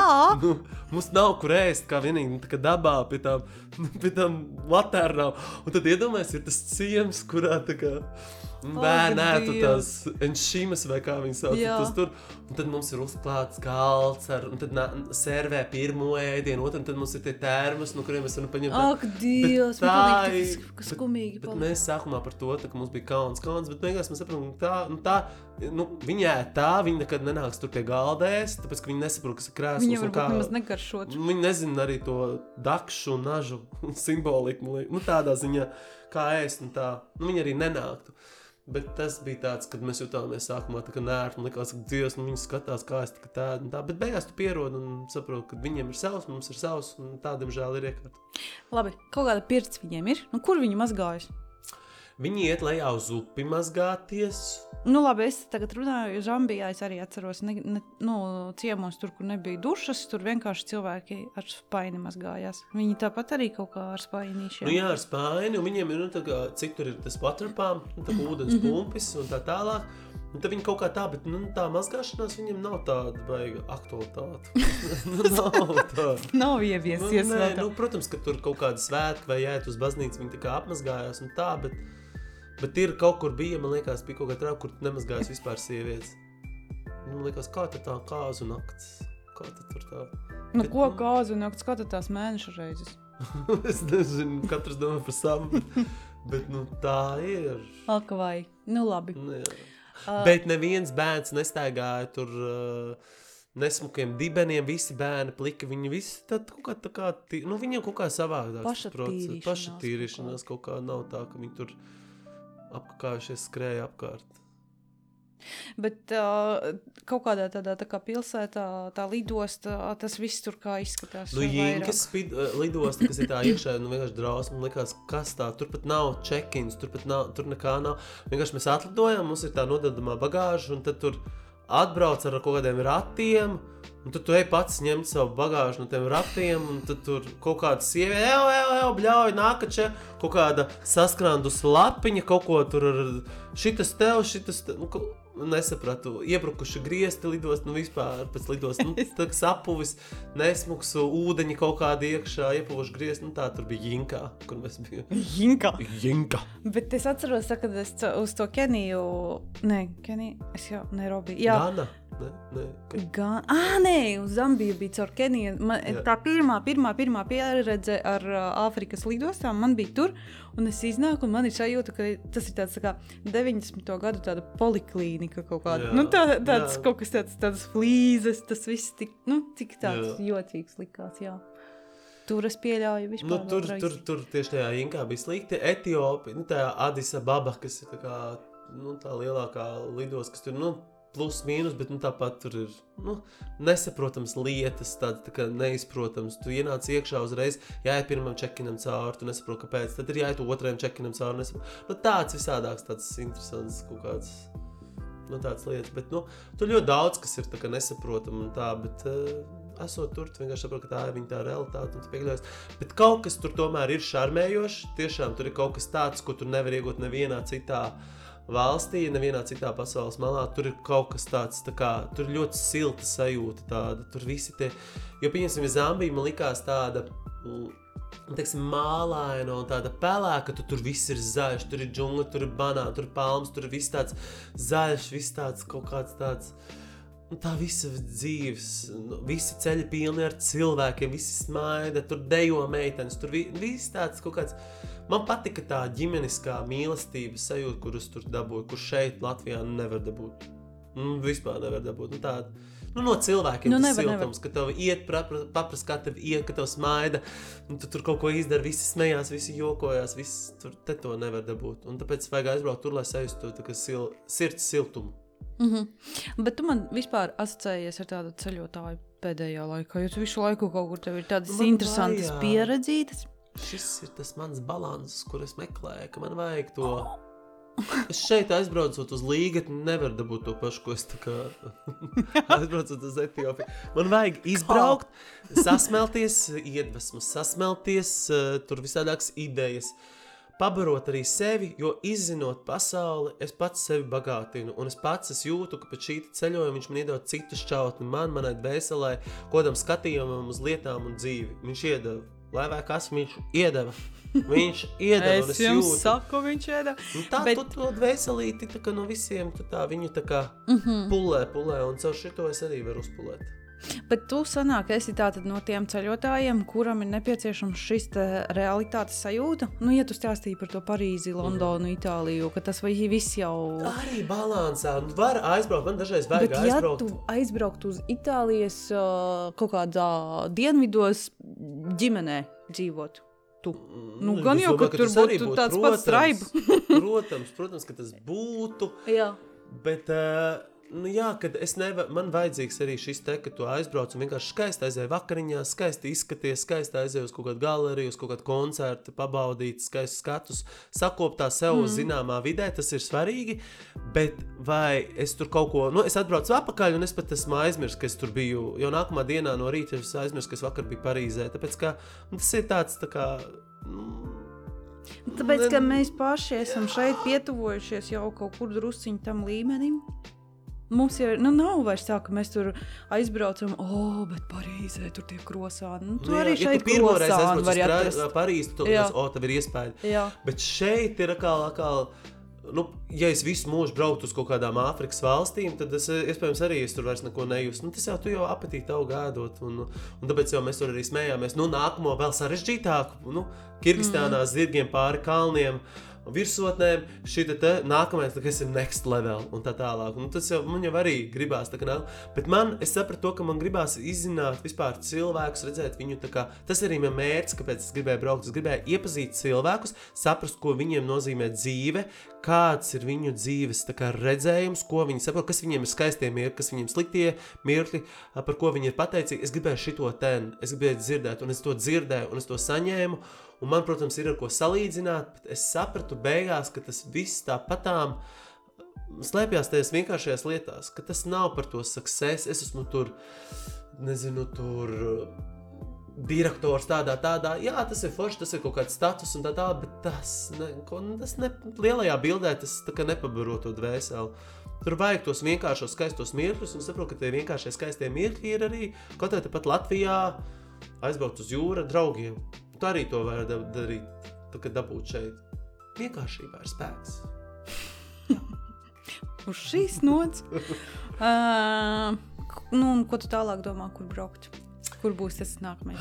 nākamais? Tas nākamais ceļojums ir. Es gribu jauno gadu pavadīt. Nu, nu, es pat Kiprā tur pavadīšu jauno gadu, bet man ir tāda tā, ka doma. Es gribētu janvārī aizbraukt uz Maldīvām, tāpēc ka tas ir pilnīgi kā kaut kas cits. tas ir skaisti smukie ūdeņi, zilās, skaistās pludmales, smiltiņas un tā tālāk. Bet, uh, Nu, skatīsies, varbūt tā es aizbraukšu viens, varbūt tā es aizbraukšu kaut kad vēlāk, kad arī Jānis varēs, jo viņš tieši net, netiek. Bet es gribu tagad nu, aizbraukt kaut ko bišķiņu vēl citu. Bet vispār nākotnē es gribu padzīvot, kur ir piņas, mīnus 50 grādi kaut Es kādā tieši gribēju teikt, ka tu nākamais būs kaut kāda Arktika vai Jā, es gribu dzirdēt, es gribu, jo es esmu redzējis dokumentālās filmas, man ļoti, ļoti patīk. Un es gribu paprasīt viņiem, kas tev nozīmē dzīve, kāda ir tava dzīves mērķi, kā tu redzi dzīvi, kas ir tavs skaistie mirkļi. Varbūt tam cilvēkam skaistais dzīves Kam tu tur mirklis. ir- prasīšu leduslāčiem? Taču tiem eskimosiem, visiem šiem te. Un varbūt viņiem skaistais dzīves mirklis ir, ot, tad, kad mums bija mīnus 19 grādi, tad bija skaists dzīves mirklis, tāpēc, ka bija silta diena. Varbūt, es nezinu. Es vienkārši gribu savas dzīves laikā maksimāli iepazīt dažādas cilvēkus, kultūras un maksimāli drastiskākos apstākļos, tāpēc, ka tur slēpjas dzīves gudrības. Tur es varu dabūt to, ko es meklēju. Tu esi īstenībā sirdī tāds Es antropologs, Meklētājs. Es esmu meklētājs. žurnālists. Nē, es esmu meklētājs. Es nekur, es vienkārši to varbūt tā atspoguļoju, bet es to laižu caur sevi. Jo man bija arī šajā braucienā kaut kādi, teiksim, viss brauciens, viss foršs, bet man bija tieši kaut kādi trīs momenti ar trim konkrētajiem cilvēkiem, kuri bija tikai man. Un es zinu, ka, nu, iespējams, Dievs vai augstākie spēki man viņu sagatavoja, kur man bija konkrēti ar šiem cilvēkiem. Man bija nenormālākais connections, man bija sava mācību stunda, ko es ieguvu un kādēļ es tur braucu. Man vajadzēja saprast to mācību. Un, un tāpēc esmu tik nenormāli priecīgs, ka man bija šīs bija šis ceļojums, protams, viss tā pieredze, viss, bet man bija šīs te trīs tādas mācību stundas man pašam priekš sevis, kur es sev uzreiz noķēru, ah, te ir mācība, ah, kā es rīkojos, ah, un tāpēc arī bija šīs asaras, tāpēc, ka caur šīm mācību stundām es ļoti, ļoti iegūstu. Un Latvijā es, diemžēl, viņas tā kā nevar iegūt, man vajadzēja pamainīt vidi, lai es viņas iegūtu tur. Un tas, Tas bija tāds baigi. Un es vēl vienu lietu sapratu šajā braucienā, ka man ir jāklausās sevi, man ir jāklausās savā tajā intuīcijā. Viņa ir nenormāli, nenormāli spēcīga. Ja man pirmais impulss ir, ej, palīdz tai meitenei, tāpēc kā tev ir jāpalīdz, tad man ir jādara tas. Jo man bija tāds, ej, palīdz, bet man likās, o, oh, bet taču visi gribēs, lai palīdzētu, un tā tālāk. Un mēs jau tā kā braucām prom, un es sapratu, nē, es viņai gribu tomēr palīdzēt kas tā pēdējā. bija pa meitenīti? Tā bija tā meitenīte, kurā Viņa visu laiku man kaut kur figurēja. Visu laiku viņa redzēja, es atbraucu tur, viņa pirmā pieskrēja pie manas klātes. Es uzreiz viņai pamanīju milzīgu, lielu piepampušu tādu roku. Un es vienkārši saprotu, nu, ka viņai ir iekodus pirms divām nedēļām čūska. Viņai tāda roka tāda ir, un tad, principā, viņa to roku visu laiku staigā ar rītīgu uzpampus ar baktērijām, pilna, strutaņa pilna, vienkārši drausmīga tā roka. Un es tur prasu, no ko, kas un kā nevedīs. Nu, nav naudas, nevedīs pāris. Nu, tad, tad, tad arī man teica, nu, ka šādi cilvēki, nu, principā, vai nu viņa nodzīvos visas dzīvi ar tādu lielu roku, vai viņa tā roka tiks amputēta, vai nu, viņa pat kaut kā izdziedēsies savā, mm -hmm. savā gaitā. Bet, Un tad es laiku domāju par to meitenīti, un tad tā meitenītei viņa atkal uzrādījās, jo mums tur punktoja, nu arī viņiem tāds izskaistināšanas veids, ir tāds mm -hmm. zīmējums sejas. Un tā meitenīte bija paredzēta, ka man punkto, bet tā kā viņai lielā roka, viņai tā kā aizliedza, tāpēc, nu, infekcijas un tā tālāk. Un es redzēju, ka viņa ļoti, ļoti sabēdājās. Un tad jau es otru reizi pie, pie, nu, piefiksēju to meitenīti. Un tad viņa nāca, es varēšu tevi, es varēšu tevi, es saku, nu, kaut kad vēlāk, kaut kad vēlāk. Tad es gāju uz toleti, es mutupēju krūmos, redzu, atkal tā meitene tur, hāj, ģipa smaida kaut kur. Tad es eju viens pats savās apcerīgajās, tur kaut kādās domās, un atkal es redzu tā meitenīte viena pati sēž tā uz koka zaru. Man liekas, kāpēc tieši tā meitene, tur ir simtiem bērnu, kāpēc es atkal viņu redzu? Visur viņa, viņa, viņa, viņa, viņa. viņa Un es laiku domāju par to roku, un es saku, viestur, un klausies, zin, kā man gribās tam meitenei retīgi palīdzēt ar to roku. Un vai, nu, sametamies, un es nu, zinu, ka tas ir, mēs jau vienai 122, un, zin, kā, un tas jau ir katrā ciemā tev kādam kaut kā, un tu tikai, es arī biju tikai kaut kāds 250 eiro izmainījis, un um, uz viņu vietējo to tā, naudu. Un, um, Loģiski, nu, kad uh, nu, es nezinu, kad es būšu atkal pie bankomāta. Es nezinu, vai man kādreiz, ja man kaut kāda neparedzama situācija, man gribās, ka man ir kaut kāda nauda ar mani. Bet man bija tāds, nē, viss, un es saku, vienalga, cik tas maksās, es gribu viņai palīdzēt. Un tad tas bija tas gadījums, kad uh, kuras kā, tas bija tajā pēdējā dienā, un es sapratu, nē, nu, es aizbraukšu prom, viņai nepalīdzot, es, viņai, es visu laiku domāju par to meiteni, par viņas roku, jo es arī sapņoju par viņas to roku, es sapratu, man viņai jāpalīdz, un es piegāju pie tās meitenītes, un es saku, vai visi mēs tev vedam, nu, ar tulku palīdzību, mēs tev vedam pie ārsta, es saku, aizbraucu, viņi tur arī plikām krūtīm skrien, aizvel, uzvelc kaut ko, kas tev ir labākais, paņem dokumentus, un mēs paņem vecāku kaut kādu līdz mēs braucam. Viņa aizskrien, viņa atskrien, un es redzu, ka viņa ir uzvilkusi labāko, kas viņai ir, vienīgo kleitu tādu. Un uh, viņa nenormāli pārbijusies, saka, tā dokumenta ir. Viņa saka, viņai nav tāda dokumenta. Un, un, un, un tad runājoties ar to tulku, saprotu, ka tā ir viņas pirmā reize, kad viņa izbrauc no tā ciemata. Ārprāts! Iedomājies, ka viņa pirmo reizi viņa nezina, ko sagaidīt tādā Kāds pilsētā. Viņa nezina, un viņa šī tāda te uh, pleciņu uz priekšu, jo viņa bija tāda, nu, bravūrīgā meitene visu laiku nāca, hi, hello, ha, ha. Un tur viņa pilnībā mainās. Viņa ir pārbijusies, pleciņu uz priekšu, galva nodurta, un viņš šitā skatās. Tā kā nesaprot, kas tagad, jā, un nesaprot, kas no. Un man tas tā, tā kā. Nu, tā viņas situācija, ka nav dokumentu, ka viņa ir uzvilkusi labāko, kas ir, un tā kleita ir pilnīgi nekāda. Nu, tur redz, nu, drūmstelas. Un, uh, Un tas ir viss, kas viņai ir, un plus vēl viņai tas piedzīvojums, ka viņa tagad brauks uz to slimnīcu, un kas tur būs, un viņa tik paklausīga, viņa tik tāda nerunās pretī, sēdēsies, nu, kad nu, ka viņa nezina, ko viņa, mēs braucam tajā mašīnā, viņa vienkārši sēž šitā te, skatās vienā punktā, un viņa nesaprot, kas līdz būs. Mēs iebraucam tajā pilsētā, un viņa skatās acis šaudās tur, un mēs aizbraucam viņai līdzi uz to slimnīcu visu. Un, Un, un kur man bija tas mirklis, kad uh, man bija tik nenormāli silta sajūta, ka es esmu to izdarījis. Es biju tas iniciators tam visam, devai vēdam, devai braucam, devai. Es varēju to arī nedarīt, bet es biju tas, ka devai, es gribu, es nu, izdarām šo. Mēs aizbraucam, un, un, protams, tur tas ārsts apskato roku, un viņa paliek ar to tēti tur, nu, tajā poliklinikā. Un tā kā uz atvedām, es pagriežos pret viņu, un tu zini, ir tie skatieni tādi, kad viņa man pasaka, ka paldies, bet ar to skatienu, mm -hmm. ar mhm. to dziļo tādu. Tā kā, Nu, dvēsele saka, paldies. Tas pilnīgi skudriņš skatos uz viņu, un viņa man pasaka, paldies. Un man tas kunkuls, un es zinu, ka tā pēdējā reize viņu redzēšu, bet man ir tas, ka, ja es, es to izdarīju, un ka vismaz, nu, es braucu apziņu prom, ka iespējams, ka viņai tā roka tiks sadaktarēta vēl laicīgi, nevis, ka viņa tiks amputēta. Es pagriežos, un vienkārši man ir asaras no visām pusēm. Vienkārši tā kā nu, tu nevari pelpot, bet man vienkārši nāk asaras, asaras. Man bija likās, yes, kad man ir jāklausās tajā intuīcijā, un ka tas bija pareizi. Un, un tā bija tā viena no reizēm, tad bija vēl viena reize, kad, kad mēs bijām tādā vienā arboru ciltī, laikam tā viņa saucās, neatceros. Kur uh, arī visi bērni saskrien, visi, visi, visi, visi, visi un pēkšņi es ieraugu tādu tā vīrieti, kurš smaida, un pilnīgi man ir tāds connections ar viņu. Mēs vispār nerunājam, mēs vēl, viņš skatās uz mani, es skatos uz viņu, mēs nevaram novērsties, un viņš vienkārši smaida, un, tur, un es nevaru izskaidrot, kas tas ir. Un vēl vienam mūsu vienam tādam džekam, dalībniekam, kas bija, viņš arī sajūta to kaut kādu vaibu no viņa. Nu, viņā bija kaut kas tik nenormāli īpašs, viņš atšķīrās no visiem. Viņš skatās un, un, un smaida, un viņš ir tāds, tāds ne, man liekas, uzreiz kaut kā tā iekšējā sajūta, kaut kas, kāpēc, kāpēc man ir tā sajūta uzreiz, un kaut kas tur ir tāds speciāls, kaut kas īpašs. Un visu laiku es arī eju, un es redzu viņu, viņš man aicina, viņš ir uztaisījis kaut kādu rotu, un laikam viņš gribēja tā kā uzdāvināt, bet mēs tur gājām, un es teicu, nē, nē, nē, sorry, sorry. Un es pāri garām, un es redzu, ka viņš arī nodūrs to galvu, liekas, kāpēc nepiegāja. Viņš man gribēja tā kā uzdāvināt to rotu, un kāpēc tā kā nepiegāja, visu, visu, visu. Un tajā pēdējā dienā, braucot prom, es zināju, ka es visas savas tās dizaina drēbes, tur tos tanktopus, visu to, ko es e, neuzvilku, arī tur jaunas apelsnes, smuki tā sakārtoju, saliku tādā kaudzītē. Un, un man tāda milzīga liela kaudze, man vienalga, es gribu viņu atrast, kur viņš dzīvo. Es zinu, ka viņš tur, tur to rotu, man tur bļāva un gribēja, lai es eju pie viņa. Un es eju ar šo te, un es eju, un es redzu, viņš tieši tā kā nāk no mājas un nāk man tā kā pretī tieši tajā mirklī.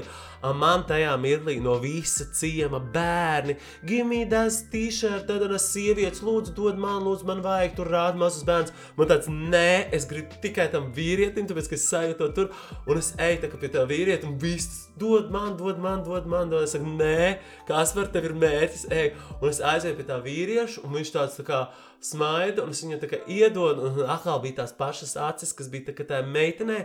Tu zini to īpašo acu skatienu, tā, tā kā pateicības pilno tādu acu skatienu. Un es viņam iedodu tās drēbes, un viņam apkārt, tur, protams, visi citi. Viņam bija kaut kāda problēma ar kāju, un viņš mm -hmm. tā kā mhm. kliboja. Un tur visādi tur to citi kaut kādi vīrieši apkārt, un jau skatās, kas, kas, kas. Un viņš tā, un es eju prom, un es tā kā atskatos, un viņš iet uz savu to māju, nu, uz to salmu būdu. Un viņš arī atskatās un uzsmēja, un viņš iet iekšā, un man atkal bija tā siltā sajūta, un kas bija nenormāli krūti. Mēs jau vācam mantas, tad, un es redzu, viņš nāk, viņš ir uzvilcis manas drēbes. Un man likās, vāc tik nenormāli krūti. Un man, un viņš atnāk ar saviem diviem bērniem, viņam tāds divas tā meitas, viņš uzvēl to tur, un viņš rāda, un, ķivā, paskaties, kāds man krūts, tāds tanktops, un kā, nu, protams, tur bija arī drēbes ar garajām rokām, bet, nu, loģiski, ka tur ir normāli karsts, viņš uzvēl to tādu, rāda un smaida, un tā, un tad viņš man rāda šitā, nu, to roku šitā, tad, kad es aizēju pie viņa, Un es atceros, ka man taču Somā bija tāds tā kā pierakstu kladīte, ādas tādos blociņos, kur man bija tā doma, ka es visu kaut ko pierakstīšu, atziņas loģiski, neko nepierakstīju, tāpēc, ka tie iespēja tie nav daudz. Un es ierakstīju kaut kādu vienu tur tādu teikumu. Un es vienkārši es domāju, o, viņi prasa visu laiku pildspalvu un rakstāmo. Es uzdāvināšu vēl viņa meitai to, un es izplēstu tās lapas. Un es ejot pie viņa, es vēl uzrakstīju, have a great life Uh, I wish you a great life, nu, lai tev tā kā skaista dzīve, uzrakstīja apakšā Kaspars un Smaidiņu. Un es viņam tā kā iedevu to, tur, uh, to bloknotu, un viņš arī tur nenormāli priecīgs. Un pašās beigās, kas bija, kas, uh, un es uzrakstīju to Kaspars, un pašās beigās, kas bija tāds arī mirklis man priekš sevis, tāda mana mācību stunda, es sēžu tagad mašīnā, es braucu tulītām, jau viss darbinās, mēs braucam prom, un viņš saka, pirmo reizi pienāca pie manis, Un uh, viņš man ir kur pierakstīts, un viņš tā kā klauvē pie tā loga. Un, kā, un es atkal savā tur kaut kādā, uh, ir, es atkal kaut kā, viņš klauvē pie tā rotas, viņš, saka, viņš rāda uz sevi, viņš saka, foto, foto. Zin kā, visi tur foto, jā, jā. foto, pēc tam iedod bez manas naudu. Un man likās, no, ok, labi, un es viņu tā kā nofočēju. Un viņš saka, foto, un parāda viņam, jā, viņš saka, foto, foto. Es viņu nofočēju, viņš saka, Gunas un Mala. Viņš rāda sev tā kā Gunas un Mala. Es saku, jā, jā, thank you, thank you, next time, bla, bla, bla, kaut kā, ķipa šī tā te. Viņš saka, Gunas un Mala, un es nesaprotu, ko, ko tas nozīmē, tas Gunas un Mala, ko tas nozīmē, tā Gunas un Mala. Un katram tam traibam ir savs tulks. Un mēs jau tā kā braucam prom, un es saku, stop, un viņš aiziet prom. Viņš pasaka to Gunas un Mala un aiziet prom. Un mēs tā kā braucam prom, es saku, stop, stop, stop, kur tas tulks? Es saku, nu, pagaidiet, bišķiņ, bišķiņ, bišķiņ. Mēs pasaucam to, to es saku, tam, ko nozīmē Gunas un Mala. Jo es būtu aizbraucis prom, nezinu, ko viņš grib. Viņš saka, ah, nē, Gunas un Mala neko nenozīmē. Viņš pateica, viņš tev iepazīstināja, tas ir viņa vārds, uzvārds. Nu, kad es biju pateicis, ka man sauc Kaspars, ah, viņš gribēja foto, jā, foto, jā. lai es nofočēju, lai manām atmiņām paliek tā kā, oh, Dievs, man pilnīgi tā kā. Raudāt, ka manām atmiņām paliek to, ka Gunas un Mala, un tad es parunāju ar to, ka, nu, ka tā ir tā arī tā cieņas pazīme, ka viņš tā kā atklāja, kā viņa tā kā sauc. Un man kā likās, manā prātā, viņš grib kaut kādu naudu, viņš grib vēl, viņam nepietika mm -hmm. ar manām drēbēm, kā nav kauna, vēl kaut kas viedokļu blociņu, un ka viņš vēl kaut ko, bet nē, viņš īstenībā gribēja, lai man atmiņā paliek viņa bilde ar viņu vārdu. Un man liekas, un es aizbraucu, man atkal bija asars. Nu, kad tik skaists tāds mirklis, un es varēju aizbraukt, nepajautājot tam tulkam, un es būtu aizbraucis domājot ar domu, ka viņiem nav atkal tā gana sāta sajūta, Jā, ka viņš grib naudu un visu kaut ko tādu, jo man likās, nu, pēc tām visām pras, nu, tām žestikulācijām likās, ka viņš kaut ko no manis atkal. Un es nesapratu, ka jā, jā, nekstā, bet īstenībā viņš pateica, kā viņu sauc, vārds uzvārds.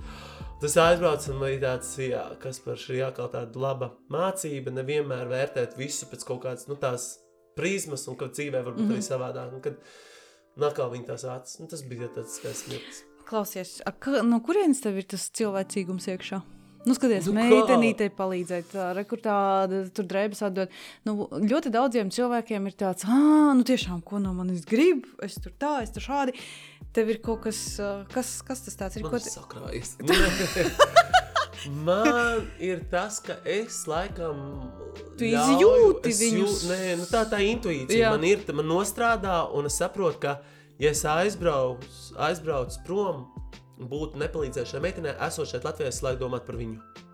Nu, es vienkārši visu laiku domāju, man liekas, bācis. Nu, redzi, ka bet cits cilvēks ne, nedomā par viņu. Viņš tā nedomā. Jo man, nu kā, es esmu tur, un es taču, nu, ko es viņiem varu dot no sevis? Nu, ko es varu, es varu nodziedāt dziesmiņu, labi, viņi var atcerēties man daļu tetuvējumiem, daļu auskariem, tā tālāk. Bet tas, ko es varu iedot, es varu neiedot visiem, bet es varu iedot varbūt tam vienam cilvēkam, salabot varbūt to roku. Un mēs neviens nezinām, varbūt tā roka pēc divām nedēļām būtu normāla, bet varbūt viņa būtu jāim, nu, varbūt viņai nebūtu bijusi roka. Varbūt viņa noindētos no tā visa. Ka es varu izdarīt tam vienam cilvēkam, kas ir arī tam visiem cilvēkiem, tam trājumam. Tāpat arī šim džekam, nu, viņš bija ar to klibo tādu kāju. Un es nezinu, kas viņš bija tāds par džeku tajā ciemā. Varbūt viņi tur apsmēdē tās kājas, bet tad visi zinās, ka tieši viņam es gāju. Es gāju brutāli savu mērķi. Nu, palīdzot vienam cilvēkam, mēs varam palīdzēt arī vispār nu, vairākiem, varbūt tam kaut kādā ziņā. Un man, es vienkārši sapratu to, ka caur palīdzēšanu citam tu, nu, pirmkārt, izdari ļoti labu darbu, bet tu arī palīdzi. Nu, es arī palīdzu sev. Mm. Un Tas jau ir. Mēs it kā, tā kā dod otram neko neprasot pretī, bet principā mēs tā kā palīdzam citam, kaut kādā veidā mēs palīdzam arī sev. Un tas, man, tas ir tas, kas man iedvesmo, tas, kas man piepilda. Un, un tas ir tas, aizbraucot prom, es arī jutos labi, ka esmu izdarījis šo darbu. Man liekas, ka tas ir tāds vien-vien. Viņš dabū, es dabūju. 50, 50. Egoists. es braucu ar aprēķinu palīdzēt. Jo es gribu justies labi. Nē, man gribās vienkārši Palīdzēja, ček. Bet uz vecumu man ir arvien vairāk un vairāk. Bet es Man tā, patīk. nu, bet zini, ko es sadzirdu? Psiholoģija Laurāts, ka, tu, ka tev rekur gribās palīdzēt tādam, nu, tā kā, tādam mazākajam, tādam, kam netika kaut kas. Rekur tā rociņa, tur tas ar kāju, kaut kas, kad ar, Bet arī, Tādam- zin kā, ja man būtu atnācis spēcīgs tur vīrietis, muskuļots, nezinu, viskrutākais trāja džeks, un es būtu sajūts viņam tā kā palīdzēt, es būtu gājis arī viņam, es nebūtu gājis pie tā klibā džeka. Tas jau ir tas, ka es vienkārši es to nevaru izskaidrot, es, ka ieraugu viņu seju, es kaut ko jūtu. Es nezinu, kas tas ir. Man ir, es skatos uz viņu, viņš skatās uz mani, es novēršos, man ir viņa seja galvā, un es vienkārši saprotu, man kaut kas ar to ir jādara. Un kas bija interesanti, jā, ka tam otram džekam, arī mūsu kolēģim, arī tieši viņš tā kā iezīmējās kā karakteris. Nu, viņā bija kaut kas tāds īpašs, un tā meita man arī. Nu, Tas jau nebija tā, ka es tur izvēlos no tā, kurš tagad būs, kurš, ir, kurš vislabāk mācās. Nē, vienkārši tev uzrādās tas cilvēks, un tu jūti tam impulsu. Es ļaujos tiem impulsiem, un tie impulsi man liekas, ir pareizi. Jā, Jā, bet tā ceļošana taču ir tāda tā kā dzīves mācības, jo ceļojuma laikā Jā. tu tik daudz kam izai cauri, kaut vai es nezinu, tiešām kaut kādām sakritībām. Kaut Jā. kāds cilvēks kaut ko pasaka, iedod tur lidostā, nē, nē, Jā. taksists, la, la, la. Un tad tā saliec kopā un tāda vesela esencīta no tās. Nu, jā, jo tajā mirklī, nu kā mēs jau arī apzināmies, tajā mirklī, ka mēs aizceļojam visas lietas, kas notiek ar mums. Šādi cilvēks tur apzog, šādi cilvēks tur piedzīvo mīlestību. Tas viss mums ir paredzēts tajā mazā laika posmā, periodā. Mēs jau dzīvojam to dzīvi tur, un es jau arī esmu nu, klātesošs, cik vien es varu. Un tad viss, kas notiek ar mani, tas notiek tur, tajā konkrētajā valstī. Un jo neordinārāk to valsts izvēlos, jo, protams, interesantāk note, notikumi notiek. Un es viņiem vienkārši ļaujos un, un mēģinu saklausīt tos impulsus un neignorēt viņus. Bet tas ir tik interesanti. Tas ir tā kā tu iekāp tādā tā kā filmā. Nu, Nu, jā. tā notiek tāda konkrēta dzīve, konkrēta filma, un tu tur iekāp iekšā, un tu tur vari izjust visu to, kā viņi dzīvo, ko viņi, kā viņi Bet skatās zini, uz lietām. Kas, jā, un zini, kas ir, ka tādu filmu obligāti nav jāizdzīvot tikai kaut kādā Etiopijā. Viņu var izdzīvot arī šeit, Latvijā, vienkārši pats. Līgatne. Nē, ejot pa to pašu Elizabetes ielu, pa centru. Vienkārši tāpēc, ka mēs dzīvojam tik šausmīgi daudz savā tajās domās. Mēs ejam, es tiešām re, es skatos uz cilvēkiem, un es redzu, viņi nav klātsoši, viņi, viņi skatās uz priekšu, bet viņu acīs viņi ir.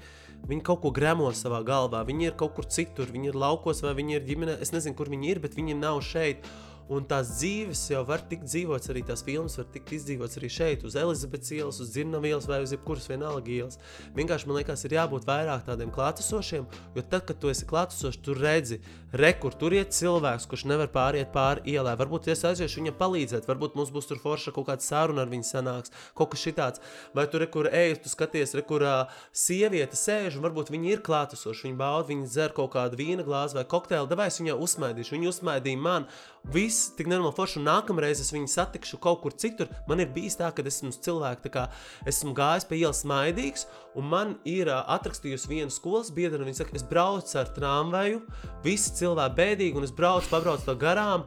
Un tu smaidi, tu gāji pa ielu, smaidīji, un man liekas, ko, kāpēc viņš smaida, kas viņa dzīvē ir noticis, un es arī sāku smaidīt. Saprat, mēs nezinām, kā mūsu kaut kādas lietas mm. ietekmē visu to, kas notiek apkārt. Un man liekas, ka tās filmas ir jādzīvo arī šeit, Latvijā, arī tajā kāpņu mm. telpā, vienkārši vairāk.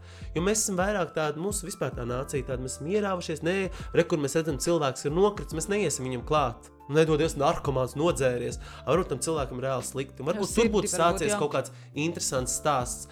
Tava mācība, tava skolas kaut kādā, nezinu, skolas lieta, kas tev ir jāiemācās šajā dzīvē, vai tur nu, jebkas, kādam kaut kas izkrīt. Tu bieži vien cilvēki kaunās, paņem to lietu, pieskrīt viņam klāt un atdot cepuri, cimds vai kas. Cilvēki redz, ka izkrīt, nu, paiet garām. Varbūt tur būtu sācies kaut kāda tava filma, tavs scenārijs, tavs mīlestības stāsts vai tava draudzība. Mēs neizmantojam tās mirkļus, un tādās situācijās, kad mēs aizbraucam, tad liekas, o, re, kur meitenīte izskatās, loģiski, ka es skriešu viņai jādod, tāpēc, ka esmu citā vidē, tad viss ir savādāk. un viss. Bet man liekas, ka tas ir jādabū šeit. Nu, kaut kā tā. Mm. Nebūs tik vienkārši. Nu, jā. Bet pamazām, maziem, maziem solīšiem, arī Latvija kļūst smaidīga. Jā! Paldies tev par šo sarunu. Paldies! Ievilkām uz divām stundām, man liekas. Tas jāgriež. Cilvēkam būs jāgriež atkal vaigas viedros, griezīs, nezinās, kā to tem, jo es tik ātri runāju, nezinās, kā iestarpināties, kā to teikumu sagriezt, lai nepazūd jēga. Mm. Bet, Jā, nu, tāds novēlējums vēl nevar beigt. Jau divas stundas. Nē, tas novēlējums tik tiešām varbūt būtu tāds, ka tās filmas, tos skaistos scenārijus izdzīvot šeit pat mūsu ģimenēs, mūsu tuvajā lokā, draugu lokā. Tāpat uz šīs ielas un, uh, un būt klātesošiem. Viņš viņu vairāk redzēt. Tas kas laikam notiek. arī tā ir prakse. Tas nav tā vienkārši. Tu, tev Tas tas sev ir visu laiku jāatgādina, jo tas tā nenotiek. Ieslēgt mazos afrikāņus sevī un mēģināt attīstīt, tāpēc ka tas ir milzīgs darbs būt klātesošam. Tāpēc, ka tu vienā mirklī, kad tu domā par to pēc retrīta, tu esi kaut kādu laiku, bet ātri mums ir domas, šitā darba, man ir tāda pienākuma. Maksimāli censties ieslēgt to mazo afrikānieti un pabūt pišķi vairāk šeit. Jo tie mirkļi, kas ir tie klātesošie, tie jau ir tie dzīves mirkļi. Un, ja tu esi vairāk klātesošs, tad dzīve ir tāda nu, garāka. Nav tāda pirmdiena, piekdiena, pirmdiena, piekdiena. Jā, ilgākas mm. dzīves ir tad, kad mēs esam tāds klātesošs. Uz to mēs arī varam beigt. Jā, uz šīs nots mēs tiešām varam arī beigt. Paldies, paldies, Paldies tev tiešām par to, ka tu atnāci. Un uh, man liekas, ka tev arī ir svarīgi to padalīties, Jā. izstāstīt. Un tagad cilvēkiem būs, būs šo te saņēmuši. Un, uh, un man patīk arī tā ideja, ne jau visiem ir jābrauc tagad uz kaut Jā. kādām Āfrikām vai Jā. Etiopijām. Braukt kaut uz Lietuvu var aizbraukt Jā. arī. Un tur dzīvot savu filmu. ar cepelīniem. Ar cepeli. To drāmas sižetu izdzīvot, vai šausmu filmas cienīgs. sižets. Kāpēc ne? Lai notiek. Labi, paldies. Atā. Atā.